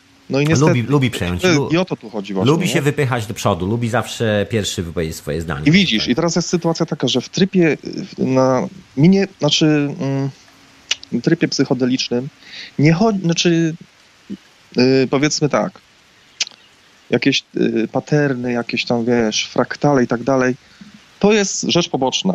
To jest fajne, ładne, bo naprawdę y, powiem ci tak, że No nie, no wizje, wizje są częścią jakby transformacji. To o tym często mówię, że to jest, e, to jest element tej Tak, e, to. To nie jest tak. esencja, to jest po prostu element. Ja już sam troszeczkę na tym, tak może brzmi tak, wiesz, jakbym nie wiadomo ile tego zrobił w życiu, ale jestem co, na tym etapie, tak, że, że- te wizualne rzeczy już nie są aż tak istotne. Istotne jest czucie. Zgadza się. No, znaczy naj, najistotniejsze jest czucie, ale rzeczywiście te wizje są, znaczy te kolory po prostu są przytłaczające dosłownie nieraz. Hipnotyzujące i nie wiem co jeszcze powiedzieć, także to jest no, niesamowite, nie? Ale chodzi o właśnie to odczucie. I teraz tak, i właśnie mówię o tym, że na, właśnie na trybie psychodelicznym przede wszystkim chodzi o to, żeby zobaczyć rzeczywistość taka, jaka jest. A to tylko się może zdarzyć, gdy znika ego. Przez, przez ego nie ma szans, żeby zobaczyć y, y, życie takie, jakie, jakie jest, rzeczywistość jaka jest, dlatego że ego zawsze ocenia. Ego zawsze nazywa rzeczy. A wszystko, żadna rzecz nie ma, nie ma nazwy. Mhm. Nie ma nazwy. Po prostu to jest tym, czym jest. Ja wiem, że to może brzmi jak w buddyzmie, ale po prostu tak jest. No. I to nie jest żadna filozofia. To, to, to jest no, stan faktyczny, nie? Ale po Starożytni, mówię, starożytni nazywali tego, e, mieli nawet specjalną nazwę na to. My, my mówimy ego, nasz brat, bo jakby jest sklejony z nami. Starożytni mówili, jest ta leg- egipska legenda, która mówi o tym, że wydarzyło się coś dziwnego na świecie i e, jesteśmy, my jesteśmy tym takim czystym, lotnym duchem. I przez zupełny przypadek skleiliśmy się z kawałkiem innego ducha, tudzież, e, no nie wiadomo, jakby nie znam tej historii całej, wszyscy ciągle, myślę, próbujemy przypomnieć sobie, jak to było na samym początku, stąd nasze, że tak powiem, poszukiwania w tych piramidach i w wielu, wielu miejscach że skaliśmy się z tym, z tym, z tą częścią, która reprezentuje i podąża do materii. I to jest właśnie nasz, e, że tak powiem, młodszy brat. To jest to, ty nazywasz to ego, ktoś nazwie to w inny sposób, rozumiesz? To jest jakby druga część, to jest ta fizyczna Jasne. część naszej, e, e, naszej osobowości, która zawsze dąży do tego, bo to jest prawo natury, ona zawsze będzie dążyła, żeby się połączyć ze swoją, ze swoją częścią istoty, czyli z materią, bo to jest materia. Materia zawsze lubi się kleić do materii, duch do ducha, to jest... oczywiście. a my jesteśmy oczywiście. po środku, a my po prostu wylądowali. My jesteśmy duchem, który doznał. e, No tak, twierdzi, tak twierdzili Egipcjanie i tak twierdzi też Słowianie. Jesteśmy duchem, który doznał tej cudownej możliwości transformacji w, w materię. Jako, jako jeden z nielicznych duchów możemy podróżować po świecie materii. Tak, i normalnie- doświadczać po prostu. Dokładnie, bo Że to normalnie jest rzeczywiście, to jest, nie ma nic. to jest tak niesamowita rzecz, że po prostu to się wydaje, że, że bo ludzie mówią, że życie jest jakieś trudne, jakieś ciężkie, ale No, sami życie po robią, jest, życie po prostu jest. Życie nie jest takie i siakie. Nie ma czegoś takiego. To widzisz, znowu ego, ego to nazywa, że jest takie życie, że takie. Nie! Życie po prostu jest. I to jest po prostu, to, to jest coś tak niesamowitego. Ale jeszcze, jeszcze, jedna, jeszcze jeden wniosek, który się nasunął. No oczywisty, to jest oczywistość totalna po prostu, Mhm. że wszystko jest jednością. Jest jedność, ale ta jedność po prostu y, przejawia się przez różnorodność form. O, tak, tak, znaczy, tak, Mhm. tak można to powiedzieć, nie? Mhm. Ale wszystko jest jednym. Ja tym jestem wszystkim. Po prostu to jest. Ja jestem totalnie wszystkim. Najmniejszym kamyczkiem, no, najmniejszym ździebełkiem w trawie. To jest, no, to jest po prostu. Mówię, nie ma słów. Nie To ma prawda, słów, słuchaj. Prawda. To, to, to jest no, obłęd, nie? Tylko tyle. To, to, to jest. I no wiesz, tak się właśnie pomyślałem, e, przypomniałem sobie dzisiejsze niebo, a także zastygłem w bezruchu nad pięknem świata dookoła. Przecudne jest. Jest słuchaj, no przecudne. No to, to, ale słuchaj, yy, no ci tak, nie ma słów. To prawda, słuchaj, kiedyś prostu- wracając z takiego długiego tripu, tu się wam przyznam, kiedyś e, mam na to świadków, słuchaj, kiedy wracałem e, z takiego naprawdę poważnego tripu i po prostu jak, e, jak tak wróciłem do rzeczywistości, to po prostu rozpłakałem się ze szczęścia, jak piękny jest ten świat. To jest niesamowite, jak, e, jak krótko tu jesteśmy, jak przez naprawdę, to jest, mo, to jest moja refleksja. E, Dzisiaj troszkę właśnie chcę trochę jakby wykończyć ten temat, bo tu jeszcze opowiedzieć troszkę o tych starożytnych sprawach, ale to za chwilę. Ale generalnie dokładnie właśnie stąd się wzięły. Pamiętam, yy, bo moja prywatna refleksja była właśnie dokładnie taka, że jak piękny jest ten świat i jesteśmy tu bardzo chwilę. Nagle się okazało, że właściwie jest to taka, tak samo jak u ciebie, że jest to taka wiedza, którą mamy gdzieś w środku, którą gdzieś ta cywilizacja, w której dorastamy, mieszkamy, nas prasuje i stara się nas wytłuc e, po prostu z tej wiary, zamienić w robotów, zamienić w ludzi, którzy poświęcą e, każdą żywą istotę po to, żeby przybić znaczek pieprzonego dolara, jak mawiał Bill Hicks na tym. Słuchaj, każdy o tym wie. Każdy. Nie ma, oso- nie ma istoty, która by o tym nie wiedziała, tylko po prostu niestety to jest zapomniane, jakby można powiedzieć. Ja, ja myślę, że to jest specjalnie tak robione, bo y, tych ludzi, którzy zainwestowali gigantyczne pieniądze i całe swoje życie w to, żeby uciec przed tą świadomością, bo cały czas krzywdzą siebie i wszystkich ludzi dookoła. Ich to No, przeraża. A myślę, że to jest tak naprawdę taki... Bo my tak mówimy o, o legalizacji substancji psychoaktywnych i ja myślę, że głównym e, problemem legalizacji substancji też do końca nie jest kwestia prawa, tylko to jest kwestia mentalności Oczywiście. pokolenia, które jest przerażone, bo wyobraź sobie, że Tu nagle... nie chodzi o prawo. Prawo. To dokładnie. Absolutnie. To jest, y, to jest mentalność, to jest ta fala, która mieszka w tych ludziach. To jest strach przed tym, że nagle zobaczą, e, jak niewiele jest warte wszystko to, e, dla którego poświęcili za czym połowę gonią? planety, po prostu wymordowali pół planety. Dokładnie. Że to nic Za czym nie gonią znaczy. po prostu. I, I wiesz, i to jest coś takiego jakby strach przed y, wróceniem do siebie, można powiedzieć. Zobaczeniem po prostu rzeczywistości, jaka jest. O man, I- i to, to jest, to jest największy strach ludzkości, zobaczyć się w lustrze. Słuchaj, ludzie robią wszystko, żeby Żeby tego nie widzieć. dokładnie wysadzą pół planety stare w powietrze, żeby nie było, nie zobaczyć się w lustrze. I dlatego, i dlatego słuchaj, jest y, ten, te substancje są właśnie nielegalne. Tylko dlatego, nie, że prawo tam, prawo to wiesz, ludzie tam ustanawiają, wiadomo, że to jest wymysł i tak dalej, nie, ale, ale główną, główną właśnie przyczyną jest właśnie ta, nie, to, to jest po prostu, no, no jak może to być, wiesz, ja ci powiem tak, że nawet, bo ja tak, wiesz, taka, takie myśli przychodziły, że nawet, słuchaj, niech heroina, niech kokaina, niech to będzie legalne. Co, co, to, co, co to komu szkodzi? No dokładnie, to nie jest e, inna sprawa, że tak naprawdę to wszystko było legalne. Wszystkie substancje były legalne jeszcze 100 lat temu i tego problemu nie było, dlatego mieliśmy różne kierunki sztuki i świat się troszeczkę inaczej rozwijał. Mi się wydaje czasami, jak tak e, wracam do gdzieś przeglądając jakieś albumy, nie wiem, z designem, ze sztuką, do czegoś, do, do historii, które się działy 100 lat temu, 200 lat temu, to mam wrażenie, że 100-200 lat temu ludzie mieli więcej serca w sobie, pomimo tego, że świat był w wielu miejscach bardzo brutalny, ale to serce widać, e, tą miłość widać w wielu miejscach. To jest kwestia kształtu, tak, kwestia tak, projektowania, tak tego, że, powiedzieć. tego, że ktoś poświęcił trochę więcej własnego czasu bez, e, bez kalkulacji tego czasu, bez zastanawiania się, ile profitów mu to przyniesie. Po prostu siadł, stwierdził, że jeżeli wyrzeźbie coś, co będzie wyglądało jak piękny kwiat, będzie przynosiło radość innym ludziom, będzie cieszyło oko i wszyscy będziemy się fajnie czuli. I nawet jeżeli umrę, to ten kwiat zostanie. I tak już zostało. I te kwiaty zostały, wszystkie te, Tak, te tak. freski, te art nouveau, art deco, wszystkie te historie. Natomiast dzisiejsza architektura, dzisiejszy świat jest e, beton, Kanciasty. kanciasty, aluminium i modułowy, czyli generalnie jak przestaje się opłacać, jak, jak znika ten bożek e, mamony, no to, to się przyjeżdża ciężarówka, rozkręca to na elementy i wszystko znika. Tak, zgadza się. I nic z tego nie pozostaje, można powiedzieć, nie? Absolutnie. Nie, i, I to nigdy nie cieszy ludzkiego oka. To jest tak, jak Mhm. się pojawia nowy wieżowiec, to wszyscy robią "Ah, fuck. No, dokładnie, I to nie- dokładnie. wszędzie na Także świecie. to jest takie molochy, nie? Ale słuchaj, ale mam takie pytanie, yy, ten, powiedz mi, yy, to, co, to co świeci na, na niebie, to, znaczy nie wiem, czy teraz, bo teraz chyba nie widać, bo była śnieżyca przed chwilą, ale powiedzmy, to, to z Pozdrawiam wszystkich może? w Polsce z, ze Śnieżycą. Nie, nie, ja nie mam, w Londynie nie ma Śnieżycy. Ale nie, nie, okej, ale słuchaj, to jest Wenus, czy nie? E, powiedz, mi, powiedz mi, gdzie świeci, aż ci powiem, co to jest. Przepraszam za taką dygresję w opowieści, moi drodzy, ale będzie kawałek nieba, za chwilę wrócę do, do tego kawałka nieba.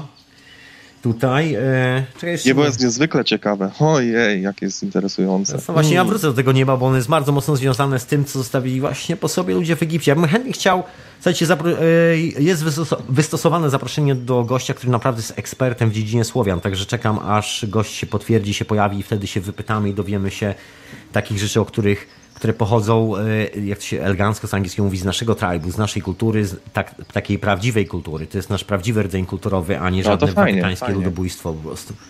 No, no, jasne. Ale słuchaj, to jest Wenus? Właśnie nie wiem, czy to jest... Słuchaj, może być uran. Bardzo nisko na niebie? Y, Nisko, tak, tak. Uran, Nisko i, i, i ten, i dosyć jasno świeci. Nisko na wschodzie? Yy...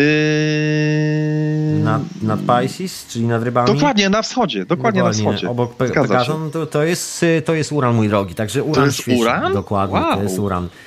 Potężna pana. Z drugiej strony, po drugiej stronie powinieneś mieć drogę mleczną, jeżeli śnieżyca ustanie i po drugiej stronie powinieneś zobaczyć e, Oriona. No bo tak nie do końca naprzeciw, a tak no jak obrócisz głowę tak w drugą stronę, to powinien być Orion. Hmm. A słuchaj, a powiedz mi jak z tym Isonem, kurczę. Ison, Ison, jak to tam? E, Słuchaj, no, ponoć się rozsypał, e, ale ta energia ponoć pędzi gdzieś tam do nas, e, także nie wiemy. Czekam na. Czekam, co z Ale tym to, dalej. to znaczy, Czekam, że już tej komety dalej. nie ma? Już... Słuchaj, wszyscy y, nabrali generalnie wody w usta i nikt nic Aha, na nikt temat. Isona nic nie mówi. NASA mówi, że kometa właściwie się ro- zniknęła. Wszystkie tytuły mówią, że tajemnicza kometa albo coś takiego. Wszystkie mają w tytule tajemnica, także. Ale temu tematowi się przyjrzymy, myślę, na wieczorowej porze. Także na razie zostawmy to, słuchaj, bo ja tu chcę wrócić do tej krainy śmierci i narodzin A, o. właściwie dzisiejszego szalonego tematu. A wiesz co, no jeszcze, jeszcze miałem taką jedną historię, i to nawet, yy, no to taka bardziej, no, bo wiesz, to wtedy jak wyszedłem z ciała, no dobra, już mówię, wyszedłem, nie wyszedłem, nieważne, nie? Yy, słuchaj, yy, no to było, wiesz, to było takie w okolicznościach takich, że powiedzmy, mm, jak to się nazywa?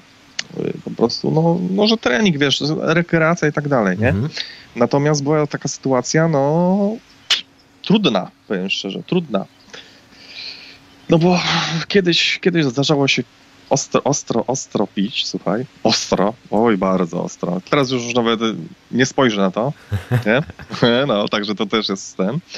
Ale kiedyś ostro i, i sobie wyobraź nawet w barze, w barze, nie w barze, no w klubie takim, sobie wyobraź, że nawet mi barmani wódkę dali za darmo.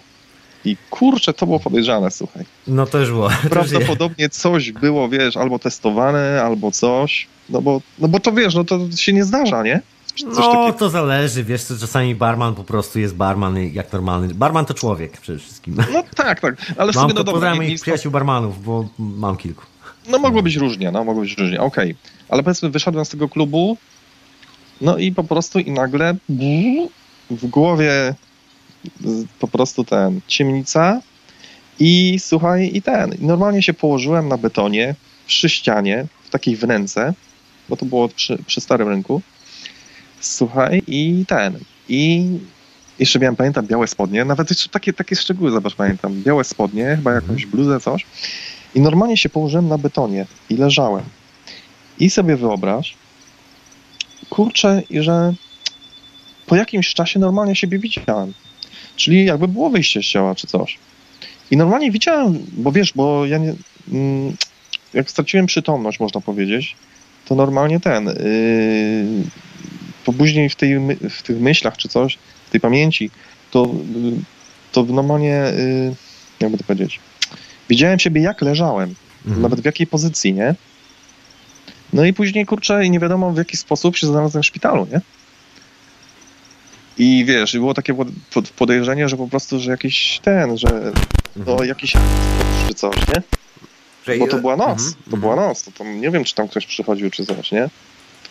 No i, i było coś takiego, że lekarz powiedział, że no, już było bardzo blisko, nie? Zejścia tak zwanego. No, także, także taka sytuacja też No była, proszę nie? bardzo. No to takie, że tak powiem, życie wysyłające mocne sygnały do zmiany. Tak, bardzo mocne mocne sygnały. sygnały. To już jak już takie rzeczy się dzieją w życiu, to trzeba je zmienić na inne. Na nowsze. No.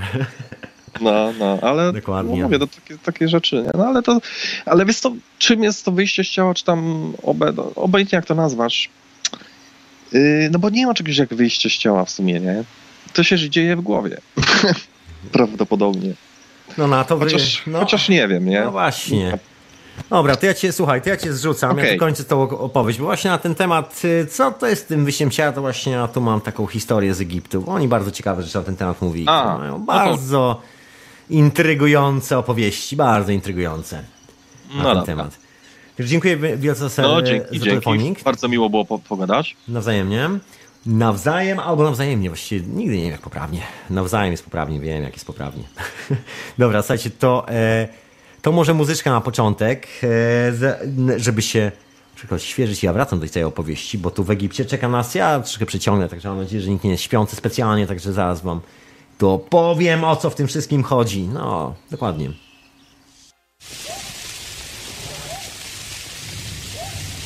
A wy oczywiście słuchacie Hiperprzestrzeni w radiu na fali, a na je Tomek. E, Hiperprzestrzeń jest transmitowana w Radiu Paranormalium. Pozdrawiam słuchaczy Radia na Fali, Radia Paranormalium oraz tych wszystkich, którzy siedzą na czacie Radia na Fali. Tam czasami zaglądam, słuchajcie. Dobra, to ja lecę dalej z tą opowieścią, bo czas leci, a opowieści jeszcze mamy troszeczkę, słuchajcie. To wrócę do tego Egiptu. Tam jest ciekawa rzecz. Tak jak mówiłem, piramida nazywa się Rostał. Ten korytarz, y, w którym jesteśmy oceniani przez tych 42 sędziów, kiedy idziemy do krainy Duat, nazywa się Mat, Mauch. Różne, nie wiem właśnie jak to wymawiać, bo są takie naprawdę dziwne, dziwne słowa. No ale słuchajcie, najlepszy numer w tym wszystkim jest taki, że e, ta kraina jest podzielona na specjalnych takich pięć części. I właściwie nasza podróż się odbywa przez dokładnie te pięć części. Ta pierwsza część z tymi 42 postaciami to jest tylko pierwsza część. Tam dalej są kolejne, kolejne cztery, także kiedy, przebie, kiedy przebędziemy je wszystkie, wracamy do... Właśnie, gdzie wracamy? No właśnie, to jest ciekawostka, słuchajcie. Wracamy do miejsca, właśnie do miejsca, Słuchajcie, Egipcjanie mówili, że wracamy do gwiazd. Dokładnie wracamy do gwiazd, że jest kilka konstelacji na tym niebie, skąd jesteśmy, jest takie miejsce, skąd jesteśmy. No i tu właściwie, tu właściwie muszę przypomnieć wszystkim, jak się powiedzieć, jak się właściwie nazywał dawniej Egipt, bo my tak mówimy Egipt, Egipt, Egipt, a, a to jest naprawdę zupełnie inna nazwa, słuchajcie. Oryginalna nazwa Egiptu nazywa się Hemet. Tak to oryginalnie brzmi, dokładnie w zapisie fonetycznym, w ogóle tak normalnie się wymawia Hemet po arabsku nazywa się Ahmed. Ahmad. To jest Egipt. To jeżeli ktoś z Was teraz kojarzy słowo alchemia ze słowem Hemet, dokładnie, to dokładnie stąd się wzięło słowo alchemia, a później z alchemii wzięło się słowo chemia. Dokładnie stąd. Dokładnie z tego miejsca, gdzie stoją piramidy. Dokładnie stamtąd.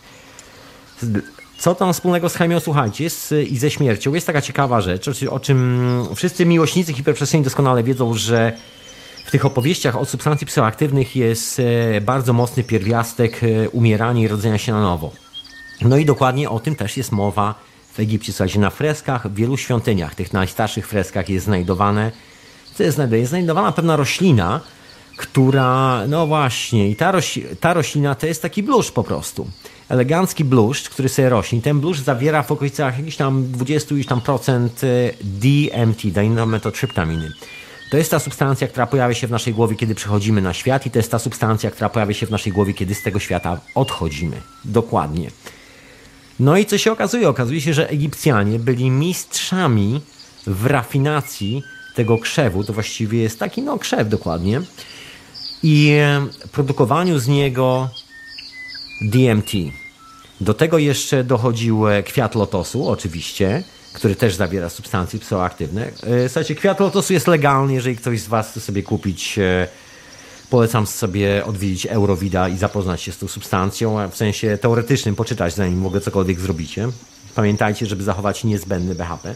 No i to były dwie rośliny, które prawdopodobnie, przynajmniej wszystko na to wskazuje, przynajmniej freski Egipcjanie łączyli ze sobą i, te, I spożywali ten trunek. I ten trip, ta wyprawa pomagała im opuścić ciało i przygotować się do, do tej ostatecznej podróży do krainy Duat. No i cała ta właściwie filozofia, cała ta teologia, która panowała w Egipcie, była dokładnie na ten temat, żeby że życie tu na ziemi, że wszystko cokolwiek robimy, wszystkie nasze emocje, wszystkie nasze czyny, cokolwiek, całe nasze życie jest przygotowaniem do następnej, e, następnego elementu tej podróży, następnej części tej podróży.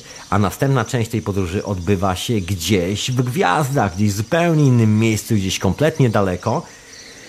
No, tam oczywiście są, e, że tak powiem, chodzi o pewne dokładne konstelacje, ale to o tym może dzisiaj nie będę mówił, bo to w ogóle zostawia zupełnie inny temat. Tu wrócę do tej całej koncepcji tego, tego czym jesteśmy.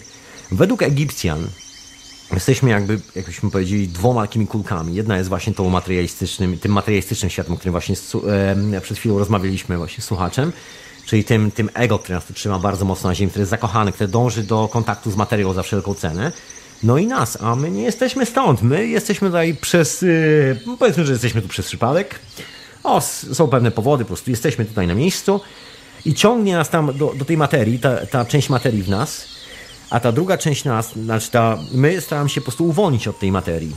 I tak naprawdę to życie to jest treningiem do tego uwolnienia, żeby nie, za, nie zabierać ze sobą żadnych rzeczy, które nas pociągną i przytrzymają na tej planecie, że spowodują, że ach, nie będziemy mogli po prostu podróżować dalej. No i DMT było taką substancją, która była używana w starożytnym Egipcie na 100%, moi drodzy, po to, żeby przygotować się do, do tej wyprawy do krainy śmierci.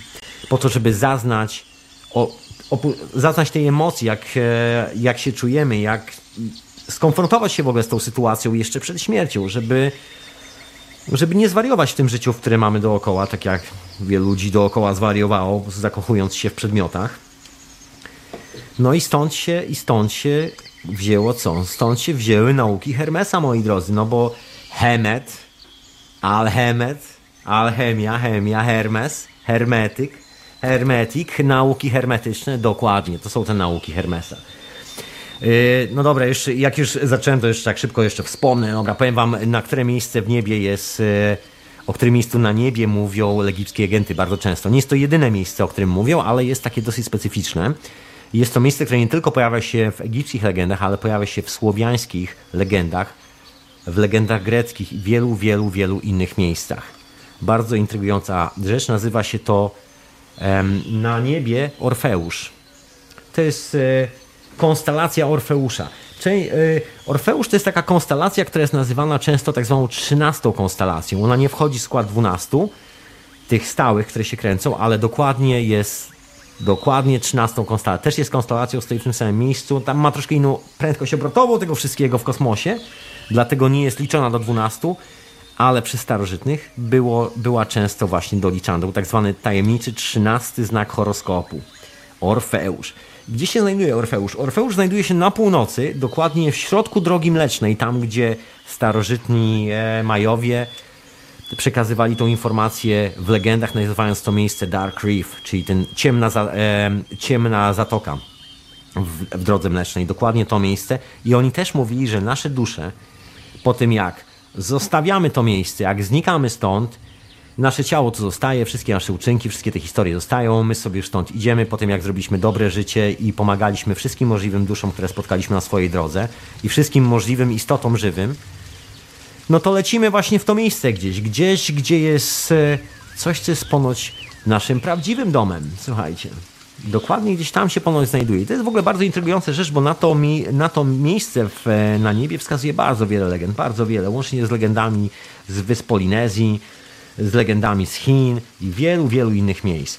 Zauważcie sobie, to, e, miejsce znajduje się na, e, na północy, nazywa się nazywa się konstelacja Orfeusza, właściwie Orfeusz, tak się nazywa, dokładnie. Grecy mieli troszkę chyzia na tym punkcie i u Greków to właściwie był taki chyba trzynasty, taki poważny znak, związany z wieloma legendami. No to jest, y, no co tu dużo mówić, co tu dużo mówić o tym Orfeuszu, co tu dużo mówić, moi drodzy. No uchodził za, za syna bogów e, w, w legendach greckich, że pochodził z Tracji i tak dalej wymienia się jako władcę terenów. No zresztą wszystkie te informacje na temat Orfeusza znajdziecie spokojnie na Wikipedii, tam jest to wszystko elegancko opisane. No słynął z tego, że śpiewał, prawda, że jego muzyka uśmierzała ból, łagodziła, łagodziła fale na morzu, yy, mógł wytłumić każdy możliwy sztorm, prawda? To jest właśnie Orfeusz, Orfeusz. Yy, stąd się wziął też orfizm, taki, takie coś, bo ale Właśnie, orfizm dokładnie oznacza wędrówkę dusz, dokładnie. Stąd się to wszystko wzięło. Jest to tradycja, która tak naprawdę nie pochodzi z, w ogóle z Grecji. Absolutnie nie ma z tym nic wspólnego. Do Grecji przywędrowała i przywędrowała dokładnie z tej części, która się nazywa Hemet, czyli dzisiaj nazywanego Egiptu. Dokładnie. No, też ta informacja była w wielu miejscach, ale generalnie stamtąd. Stamtąd, moi drodzy. I wygląda na to, że tak jak mówią te legendy, znaczy wygląda to, wygląda jak wygląda Legendy mówią, że po śmierci, kiedy uda nam się porządnie przeżyć to życie na ziemi i generalnie skumamy, że nie jesteśmy na jakimś takim w ogóle, no tylko materiał po prostu. Jeżeli zrozumiemy, że jesteśmy, że jesteśmy duchem, to automatycznie wracamy do tego, swoje, do, tego do naszego oryginalnego świata, który dokładnie znajduje się gdzieś w tej konstelacji Orfeusza. Gdzieś tamtędy przylatujemy w tamtym kierunku. Tu zostawiamy materię, a tam jesteśmy prawdziwi my. No, dopóki, dopóki jesteśmy tutaj, to jesteśmy tutaj w całości. No i o tym, y, słuchajcie, o tym mówiły te wszystkie nauki hermetyczne, no bo Egipt zniknął, Aleksandria, że tak powiem, Aleksander Wielki zaorał wszystkie rzeczy, które się dało zaorać. Biblioteka została splądrowana, została spalona, później pojawili się pierwsi ortodoksyjni wyznawcy demona zwanego biblijnym bogiem, e, nazywanego zresztą e, przez gnostyków no, demiurgiem, czyli bo, demonem zła. Dokładnie to jest ten biblijny Bóg, ojciec Jezusa, kolejnego demona. Same demony, słuchajcie, same demony w tym wszystkim. No i hermetycy, generalnie, zatrzymali tą oryginalną wiedzę z Egiptu, no i propagowali ją dalej. To jest w ogóle taka ciekawa historia z, z hermetykami. Znaczy, hermetycy twierdzili, że pierwsi chrześcijanie, właściwie ludzie, którzy podawali się za pierwszych chrześcijan, jak to nazwiemy, jak nazwiemy, ci sekciarze od tej monoteistycznej sekty, zmanipulowali, po, zmanipulowali całą wiarę, ponieważ oddali swoje dusze demiurgowi, oddali swoje dusze i ciała demonowi i uwierzyli w materię. I doprowadziło ich do takiej sytuacji, że cały ich świat się kompletnie obrócił. Uwierzyli w kompletną odwrotność rzeczywistości. I to mówią wszystkie nauki hermetyczne, że rzeczywistość jest zupełnie inna. Chociażby kwestia na przykład spirali, czyli kwestia DNA, która często jest symbolizowana jako na przykład wąż i tak dalej. Te religie monoteistyczne zakazują takich rzeczy, mówią, to wszystko jest zło. No, hermetycy twierdzili po prostu jasno i bez ogródek, że, że, to, na, że to nie jest tak, że że zło udaje, że go nie ma i coś takiego. Nie, zło zrobiło lepszy numer. Zło po prostu zaczęło udawać dobro i wielu się na to nabrało. I tak oto powstały te wszystkie wielkie teologie, te, te cywilizacje, w których właściwie w końcu tej cywilizacji przyszło nam mieszkać dokładnie, aktualnie. Dokładnie. I że całe to, słuchajcie, cała ta historia co tu się dzieje z tym lasem? Dziś mi las uciekł. Uciekł mi las, słuchajcie, wracamy do... No, już jesteśmy z portem w lesie. Uch, przez chwilę las zniknął. Nie, a też lasu nie było. No. Przepraszam bardzo, jak zwykle zagapiłem na notatki troszeczkę. No i o czym mówi, słuchajcie, a propos tego Orfeusza, bo tak nie na darmo powiedziałem, e, Orfeusz to jest dokładnie to miejsce, konstelacja Orfeusza to jest dokładnie to miejsce na niebie, w którym aktualnie zniknęła kometa Ison. Po prostu rozpadła się dokładnie na, na tle konstelacji Orfeusza. Taka ciekawostka. Nie wiem, czy starożytni planowali takie rzeczy, czy widzieli takie rzeczy, czy zapisywali takie rzeczy. Jest kilka informacji, które no możemy tak interpretować, bo właściwie no, no inaczej się, bo można powiedzieć, że inaczej się nie da. Oczywiście zawsze znajdzie się ktoś, kto powie, e, ta interpretacja jest wadliwa, można to w zupełnie inny sposób zrobić. No ale tak strasznie dużo rzeczy się tu elegancko na siebie nakłama, moi drodzy. Bardzo dużo rzeczy. Szczególnie z tą właśnie podróżą do krainy Duat. Jeszcze starożytni twierdzili, że no właśnie, że jesteśmy tu naprawdę tylko przez chwilę, moi drodzy, i że musimy bardzo mocno uważać na materię, żeby właśnie nie wpaść w pułapkę tej materii, że to jest demon, który stworzył tą materię, to nie my tworzymy tą materię, ona po prostu tu jest.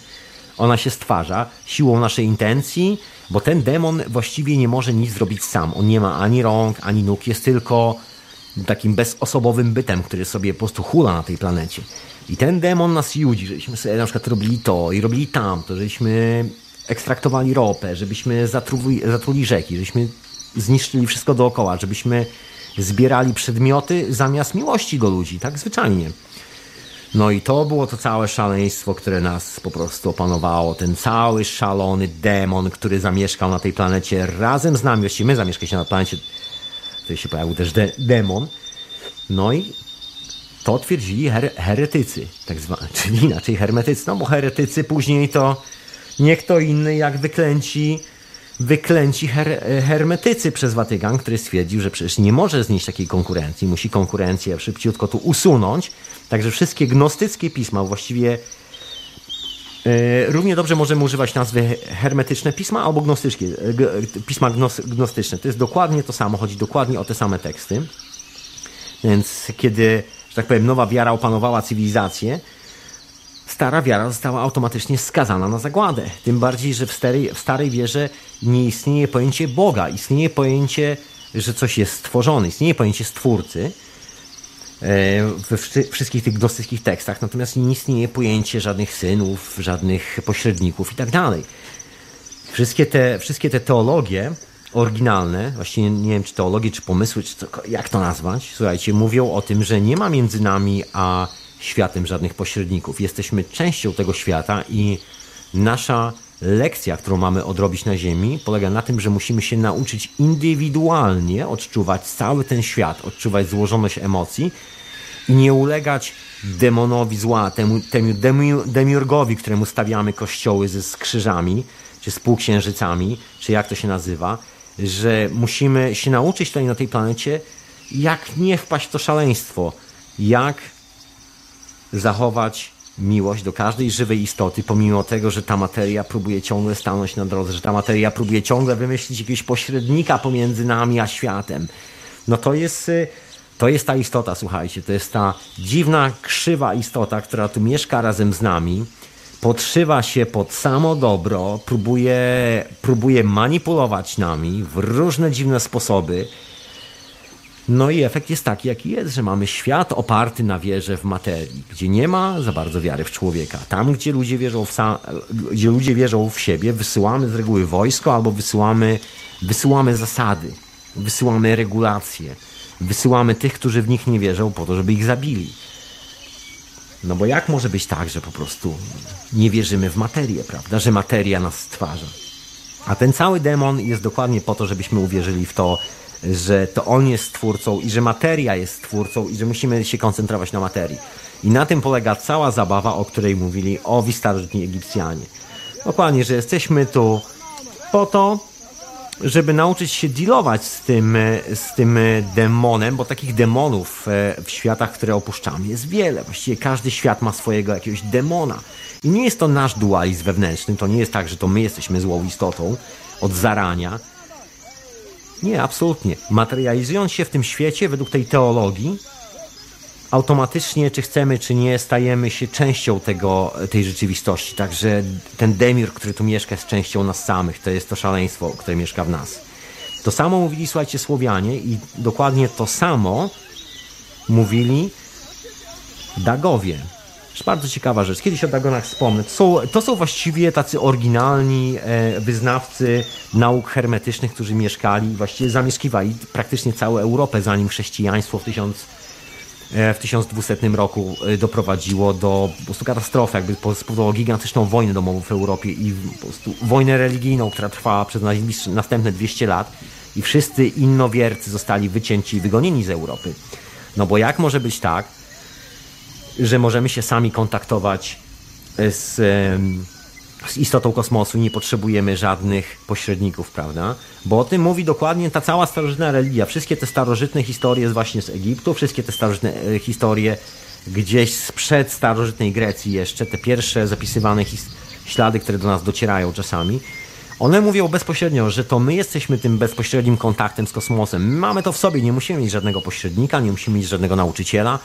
To jest coś, co jest nam dane. Jesteśmy częścią tej informacji i nie musimy nigdzie jej szukać, nie musimy niczego robić. Wystarczy tylko tyle, że przestaniemy się jak głupki zabijać. Przestaniemy ulegać temu demonowi, składać mu dary z ludzkiego życia, składać mu dary z naszej energii, budując mu świątynie, w których nikogo się nie nakarmi, nikogo się nie ogrzeje, ani nikogo się nie nacieszy, ani nie, ani nie pomoże nikomu. Że to wszystkie te że to jest tak. No dokładnie żeby odrzucić ten cały, ten cały teologiczny, że tak powiem, to całe teologiczne zniewolenie, które jak współczesna psychologia stwierdziła, to całe psychologiczne zniewolenie, czyli wiara w to, że ktoś za nas może lepiej, doprowadza nas do frustracji. Bo to jest moment, kiedy pierwsze znika odpowiedzialność za to, co robimy, czyli przestajemy mieć e, taką łączność z konsekwencjami własnych działań przestajemy się przejmować tym, że to, co zrobiliśmy, ma wpływ na, na to, co się wydarzy jutro w naszym życiu. Przestajemy się przede wszystkim przejmować tym, że to, co zrobimy w życiu innych ludzi, będzie miało jeszcze wpływ na ich życie, kiedy my już to zostawimy, kiedy nas już tam nie będzie. Wiele, wiele rzeczy. No ale to, to jest związane bardzo mocno z materią. Kościół katolicki i wszelkie monoteistyczne religie próbowały to wyorać, ponieważ automatycznie oznaczałoby to, Nikt nie zapłaciłby, słuchajcie, pieniędzy na tacę, nikt nie modliłby się do drewnianych figurek, nikt e, nie chodziłby do świątyń i nikt nie składałby swojego życia w ofierze, idąc na wojnę, walcząc dlatego, żeby kilku ludzi mogło wziąć i przesypać sobie złote dukaty z ręki lewej do ręki prawej, powiedzieć, że zrobili to w imię jakiegoś Boga. Dokładnie. No i religia została wyorana kompletnie, dlatego w Egipcie praktycznie niewiele zostało, jeżeli praktycznie nic. To, co wiemy, pochodzi, e, pochodzi z, z biblioteki e, Nag Hammad, tej wykopanej właśnie w Egipcie. To jest, e, no, wspomniałem o tym, to jest właściwie jedyne ocalałe gnostyckie teksty. I właściwie gdyby nie te gnostyckie teksty, to byśmy w większości nie wiedzieli, że coś takiego w ogóle istniało, ponieważ było to tak skutecznie niszczone, że właściwie nic nie zostało do naszych czasów. Podobnie jak historia Słowian. Ile wiemy na temat historii Słowian? Nic nie wiemy na temat historii Słowian. Wszystko zostało zniszczone, całe teksty były niszczone, wszystkie statuetki, posągi, rzeźby, wszystko. Dokładnie. A w zamian ofiarowano nam y, propozycję, żebyśmy wyznawali demona, któremu musimy składać e, ofiary dziękczynne, któremu musimy poświęcić całe swoje życie który jest ważniejszy od naszych bliźnich, ważniejszy od żywych istot, które są dookoła nas. To jest fenomen. I to jest to szaleństwo, któremu się wszyscy oddaliśmy. Niewolnictwo. Jesteśmy niewolnikami gigantycznego demona, który mieszka tu razem z nami na tej planecie. No i próbuje zawładnąć tym wszystkim nami przede wszystkim. Bo tak naprawdę ten demon nic nie może, nic nie może, ani rąk, ani nóg, ani domu nie zbuduje, ani nikomu krzywdy nie zrobi. Może zrobić krzywdę, tylko i wyłącznie rękami żywej istoty. Na tym polega cały dowcip. Tak długo jak nie dajemy się kontrolować szaleństwu, tak długo jak nie gości, nie mieszka w nas strach, tak długo jak jesteśmy w stanie powiedzieć, ej, pierwsze to po prostu, nie będę zły dla tego człowieka, po prostu zostawmy to. Bądźmy mili, bądźmy mili. Na początek bądźmy mili dla siebie i przede wszystkim ufajmy sobie. Zaufajmy sobie, że nie będziemy się krzywdzili nawzajem. To jest najistotniejsza sprawa. Bez tego zaufania demon rządzi naszym życiem. Witam ponownie. Halo, halo. Halo, halo, jestem, jestem. Witam ponownie szanownego pana. Ech, Proszę śmiało, proszę śmiało. z- czekaj, robimy to porządek, żeby to radio mnie to nie grało. O, jestem tylko na Skype'ie, to jest, jest ok. O, to dosyć głęboko dzisiaj doszedłeś, muszę ci powiedzieć. Bardzo Mm, płytko ci powiem, jeszcze jesteśmy. To jest bardzo płytko. To jesteśmy raptem Jak? 2000 lat temu. A to jest o wiele starsza historia. Jak to tak? No tak. A, No dokładnie, proszę pana. Dokładnie. ale poważnie, nie robisz mi nic tak? Poważnie to mówisz, tak? Absolutnie, całkiem serio. Absolutnie, oczywiście. Mm, widzisz, no to, bo ja już nie widzę, że coś się zdarza w ogóle na poważnie. nie, I twierdzę, że ta powaga to zabija, bo właśnie ci ludzie na co dzień tak, oni są strasznie poważni tutaj dla mnie, nie? I ja mówię, ludzie, ale wyluzujcie, no przestańcie być tacy poważni, bo to nie o to chodzi, wiecie? A oni, nie cholery, oni mówią, stary, pojebało cię. To o to chodzi, zapierdalajmy. Dokładnie, dokładnie. No słuchaj, dzięki temu, że wszyscy w to wierzymy, znaczy no wszyscy jak wszyscy, że praktycznie większość jest dominowana i że to stanowi jakby taki kor cywilizacyjny, że ciągle się powołujemy na to, że człowiek musi pracować, że nie ma nic za darmo, że materia, że musimy gdzieś, po, że musimy, że po prostu musimy, tak. no. Tak, no musimy, no oczywiście. I najważniejsza rzecz- Nie ma innej możliwości, musimy. Dokładnie. Tak jest, trzymamy się tego. Dokładnie. I najważniejsza rzecz to jest coś, co wynikło z tego, z tej patologii, z tego, z tego zawierzenia swojego życia tym demonom szalonym. To wyszła cała ta historia z tak zwanymi liderami. Wyszła No. historia związana z tym, że jak już jest, e, że mamy pośredników pomiędzy nami a naszą duszą tak naprawdę, bo tak jak, tak jak mówią wszystkie starożytne No e, tak. wierzenia, nie ma, my jesteśmy tym kosmosem. To nie jest tak, że my musimy cokolwiek robić. My po prostu jesteśmy esencją kosmicznego porządku i Co tylko ten robić, demon ty- nas po prostu próbuje, wiesz, za nogi tu trzymać na ziemi, żeby zburzyć w nas ten kosmiczny porządek, dlatego i zaczynamy się bać, bo ten demon nas przekonuje, że materia jest bardziej realna niż my sami.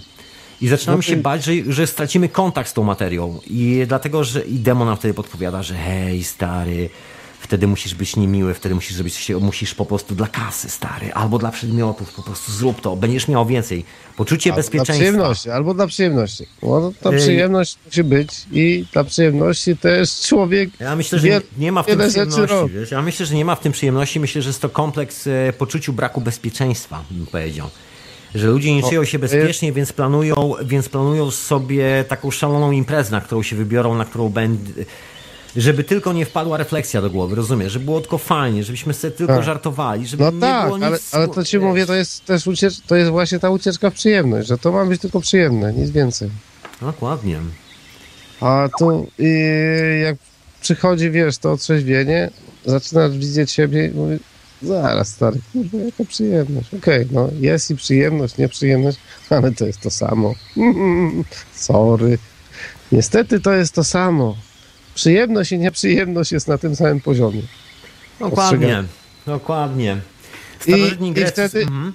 patrzysz na to i mówisz, no właśnie, a to mi podpowiada jakiś dupek cały czas, że stary, mam dla ciebie niezwykłą przyjemność. Jak nabędziesz rzecz taką czy taką, to wtedy będziesz wspaniały. Wtedy doświadczysz swojej wspaniałości. Teraz to jesteś do dupy. Teraz to nie zastanawiaj się nad tym, co jesteś. Ale jak to kupisz, stary, o, będzie czas. No wiesz, to, to nawet nie ma takiej rozmowy nigdy z nikim, bo właściwie jesteśmy od dziecka wychowani w sytuacji, gdzie nam się mówi, że dualizm jest czymś naturalnym, że to, że tak powiem, rozwalenie osobowości, to że, to, że czujemy, że nasza natura jest, idzie w zupełnie innym kierunku, to, że chcemy robić dobrze i chcemy, żeby ludzie dookoła nas byli szczęśliwi na nasz widok, a nie uciekali w drugą stronę. A my robimy wszystko, żeby uciekali w drugą stronę, a i na siłę ich później trzymamy. I to wszystko to są takie... ty.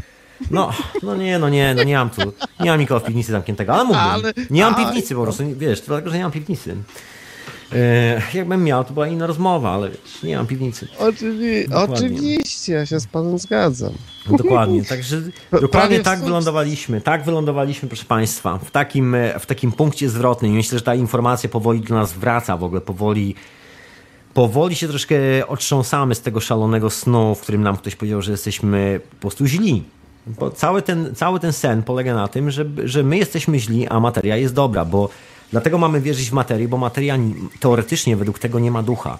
Jeżeli zawierzymy jej przyszłość, to przyszłość będzie bezpieczniejsza, prawda? Bo materia nie ma kaprysów, a ludzie mają kaprysy, prawda? Pieniądze nie mają kaprysów, dlatego pieniądzom zawierzamy swoją przyszłość, prawda?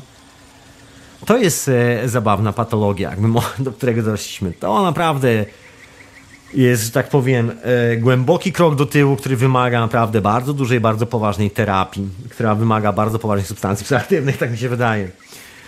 Dokładnie. No, Mam tu jeszcze jednego słuchacza, już dołączam. Witam serdecznie. Ponownie. Witam kolegę Bauhausa też. Witam serdecznie. No. Hello, hello. Słuchajcie panowie, podsumowanie, powoli kończymy to, powoli kończymy, także proszę, tutaj, proszę, proszę o swoje głosy w dyskusji, śmiało. Ko- koniec latania, kończymy, kończymy. Cały czas latamy, tak. nie, chciałem to tutaj powiedzieć, Mhm. że o tym dualizmie, właśnie, że tam jest, że do kilku miesięcy dziecko nie widzi matki jako oddzielny przedmiot. Widzi tylko jedność. I, i, to, i ta pogoń za tym wszystkim, czyli za materią, za, za tymi przedmiotami i tak dalej, wynika tylko z tego, że mm, widzimy, jako, że wszystko jest oddzielne. W momencie, gdy by było widoczne wszystko z jednością, pogoń się kończy. Bo już nie ma za czym gonić, bo, bo jest wiedza, czy jest po prostu to odczucie, że jesteśmy tym wszystkim, więc nie ma za czym gonić. Taka jest konkluzja. Po prostu, po prostu jesteśmy wszystkim, wszystkim i Mhm. niczym, to można tak powiedzieć.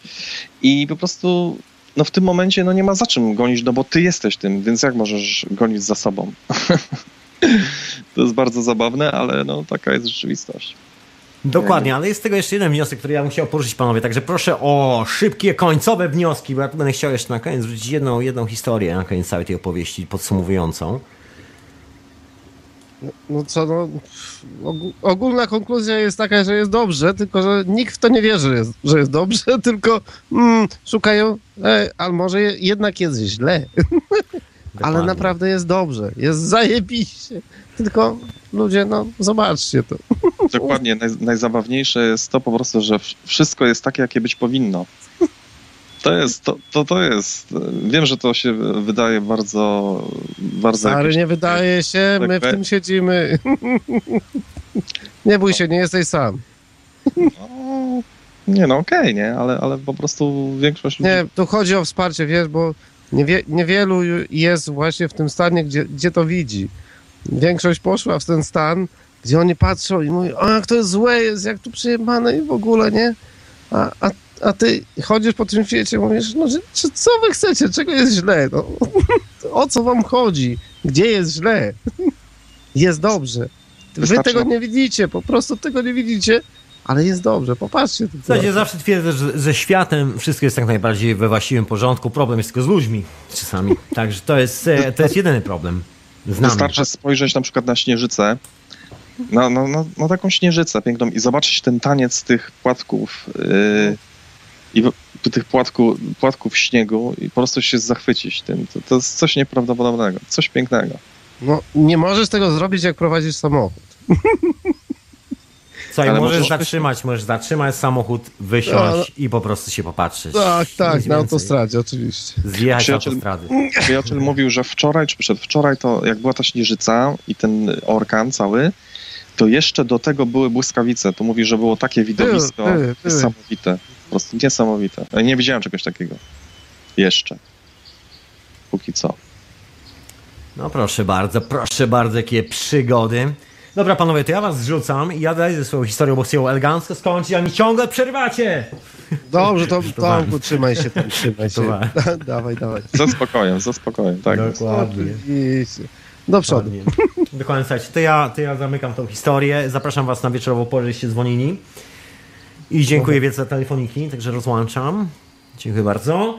I słuchajcie, no to jaka jest konkluzja tego wszystkiego? Bo to jest coś, o czym, o czym wspomina powoli współczesna nauka, jakby powoli jak powoli, zaczyna naprawdę dość mocno o tym mówić. E, Zaczyna dostrzegać tą niewidoczną aurę dookoła nas, dookoła ludzi. No i co się okazuje? Okazuje się, że wszystkie te legendy o tym, że że jesteśmy tylko w bardzo niewielkim, właściwie pół na pół można powiedzieć, w połowie fizycznie, a w połowie jesteśmy naprawdę zupełnie w ogóle eterycznie, że tak powiem, nie widać nas, ma bardzo wiele sensu, bo są to wszystkie historie związane na przykład z polem morfogenetycznym i nie tylko, słuchajcie, okazuje się, że e, wszystkie te fotografie Kiriałowa, wszystkie te oddziaływania, które występują dookoła nas, drobne oddziaływanie mierzone bardzo czułymi urządzeniami, działają, wydarzają się, to się naprawdę dzieje. To nie jest tak, że to wszystko jest takie bardzo science fiction i że to jest takie bardzo ezoteryczne. Nie ma w tym nic ani grama ezoteryki. No i się okazuje, że cała ta nauka starożytnych, która mówi o tym, że jesteśmy takim dużym bąblem energii i że tych bąblów jest ileś tam i że wszyscy, jakby każdy z nas tworzymy tą rzeczywistość. Absolutnie każdy z nas. Chociaż ym, po prostu świat, ludzie nie istnieją pojedynczo. Absolutnie. Jesteśmy tylko i wyłącznie pod tym względem, jako prostu na tej planecie, jedną taką społecznością. Każdy z nas jest oczywiście indywidualnym duchem i tak dalej, ale jesteśmy społecznością i nasz taki społeczny, nie wiem jak to nazwać, duchem, ta cała bańka, w której mieszkamy, tworzy balans na świecie.